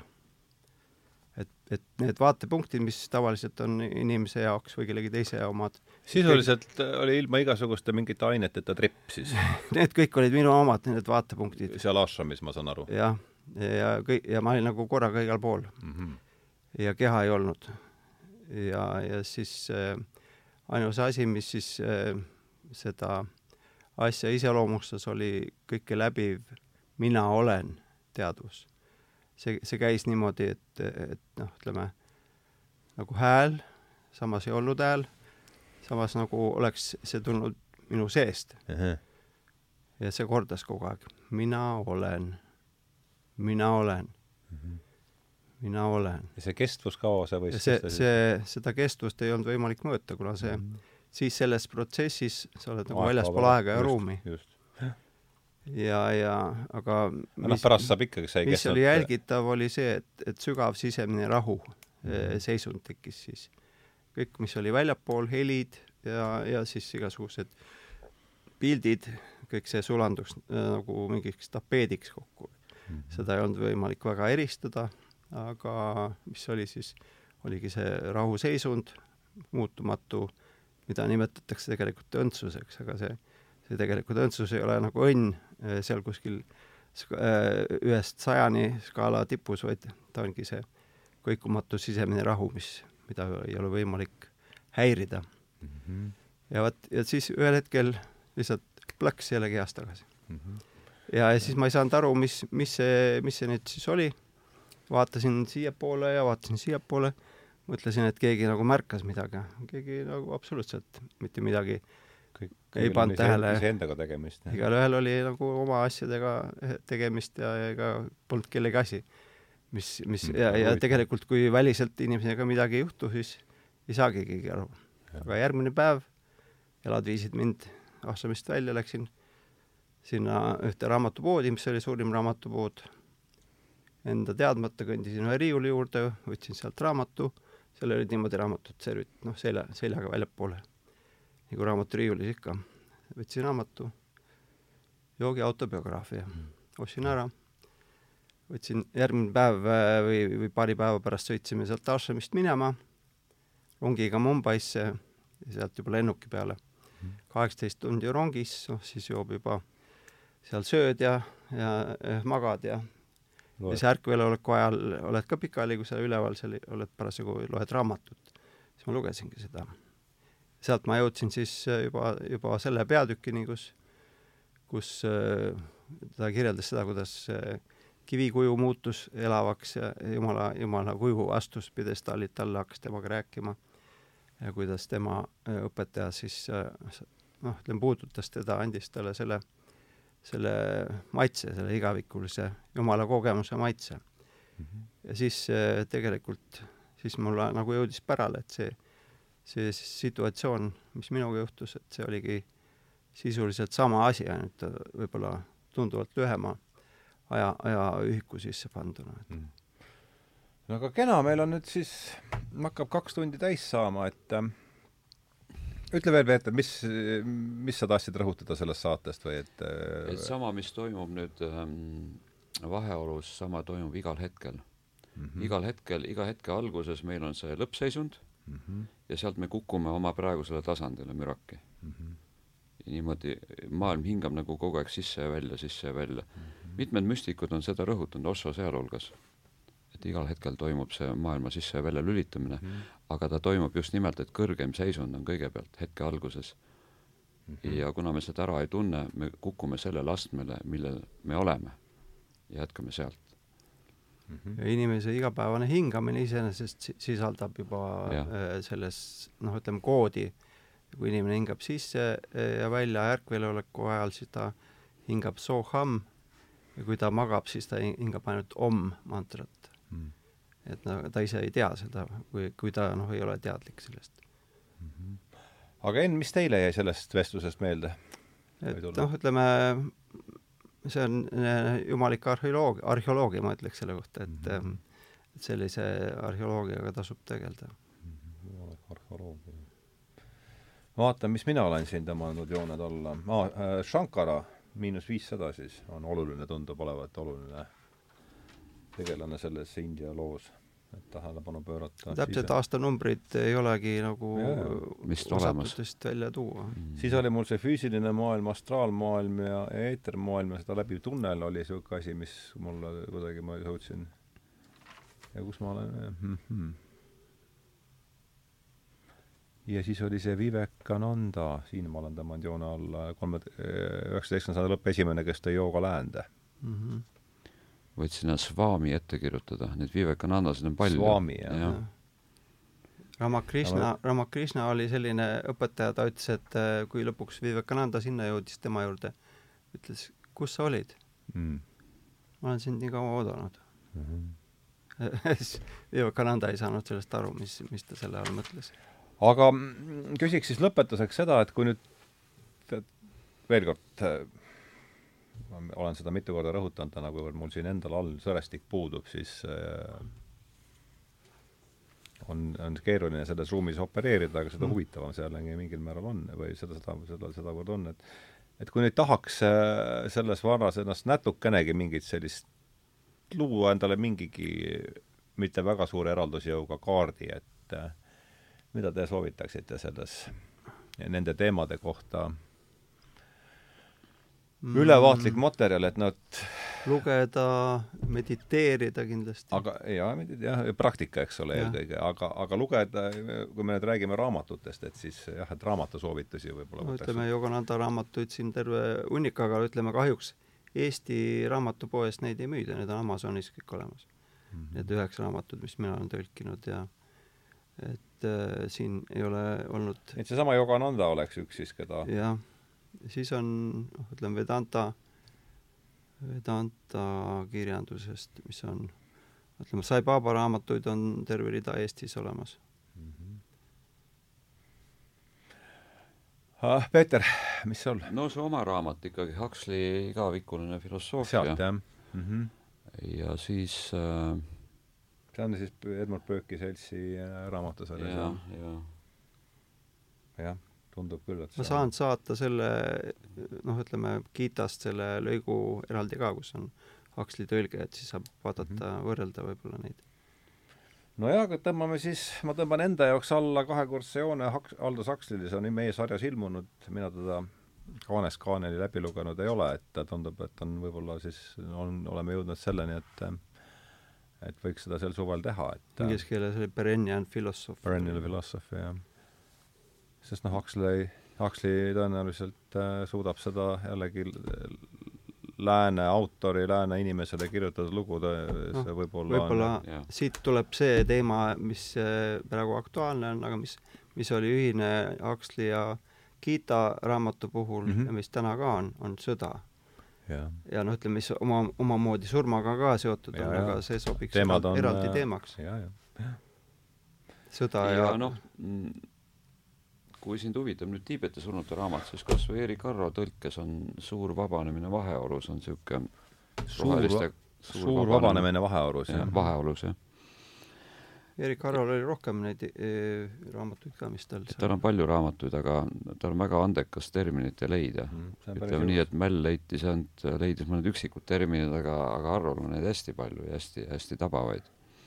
see on päris hea, jah suur vabaduse vaheolus, jah. Äh, ja autor oli?